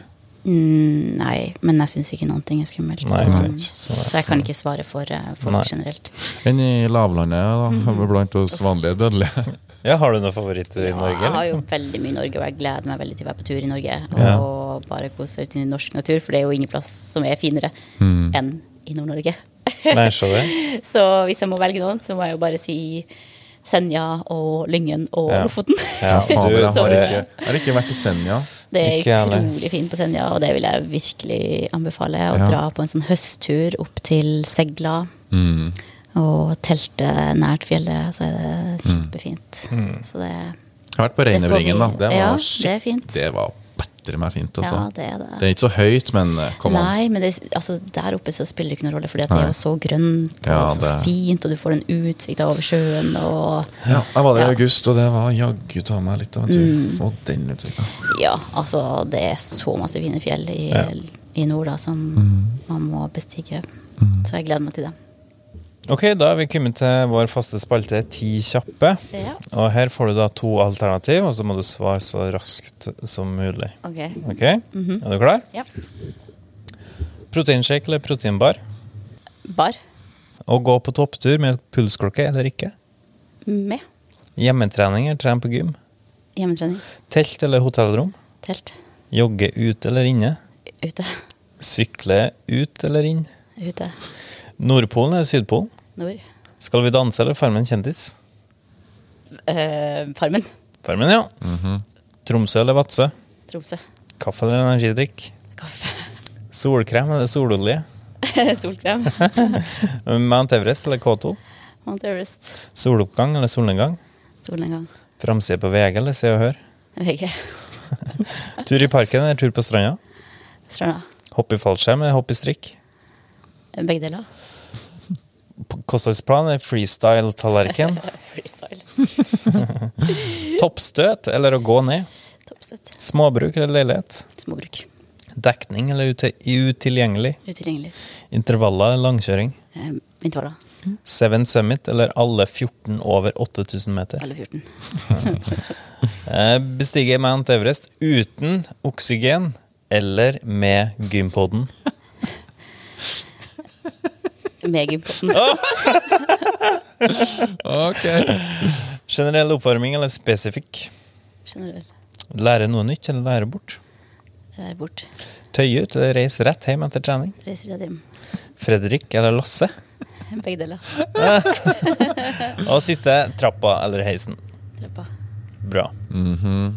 Det gikk jo så susa, det. Ja, det gikk så det susa. Vi bruker jo alltid å få servert en challenge fra vår gjest, men jeg tenker jo challengen blir jo den basecamp-turen opp Ja. til Mount, retning Du, Mount hvis Everest. vi skal gjøre det Ja, men det må dere jo. Ja, Altså, det, det det, er det har vært skikkelig kult. Jeg har Ja. så lyst. Men kan vi ikke er bare gjøre noe TV-program av det? Vet du hva, det er kanskje det vi skulle ha gjort. Ja, ja, ja. Kameramannen er jo allerede med. Men uh, før vi runder av, er det noe du har lyst til å tilføye på tampen? Kristin? Nei, dere må være flinke å trene og gå i motbakke. Et år har dere på dere nå, så det Ja, tror jeg går Ja, eh, og vi fint. kaster den ballen rett tilbake til deg, for du skal faktisk gå du, du, det, Ja. Jeg blir helt eh, målløs av det du skal gjennom nå, altså. Wow. Takk. Ja. Ja, du er helt rå. ja, du er helt rå. Og med det så er det bare å takke for praten. Vi heier på deg. Lykke til. Vi skal følge med. Vi skal krysse det som krysses kan. Uh, og så blir det så spennende å følge med, altså. Ja. Fredrik. Tusen takk for praten. Ja, og kjære lytter, kjære seer, takk for at du har fulgt med. Og jeg håper dere alle i hop vil eh, heie på Kristin framover. Ja. Gå inn og følg henne på Instagram, så får du bli med litt på reisen. òg. Så får du se litt hva hun har vært med på allerede også. Takk for nå, og på gjensyn og gjenhør i Gympodden. Hei da.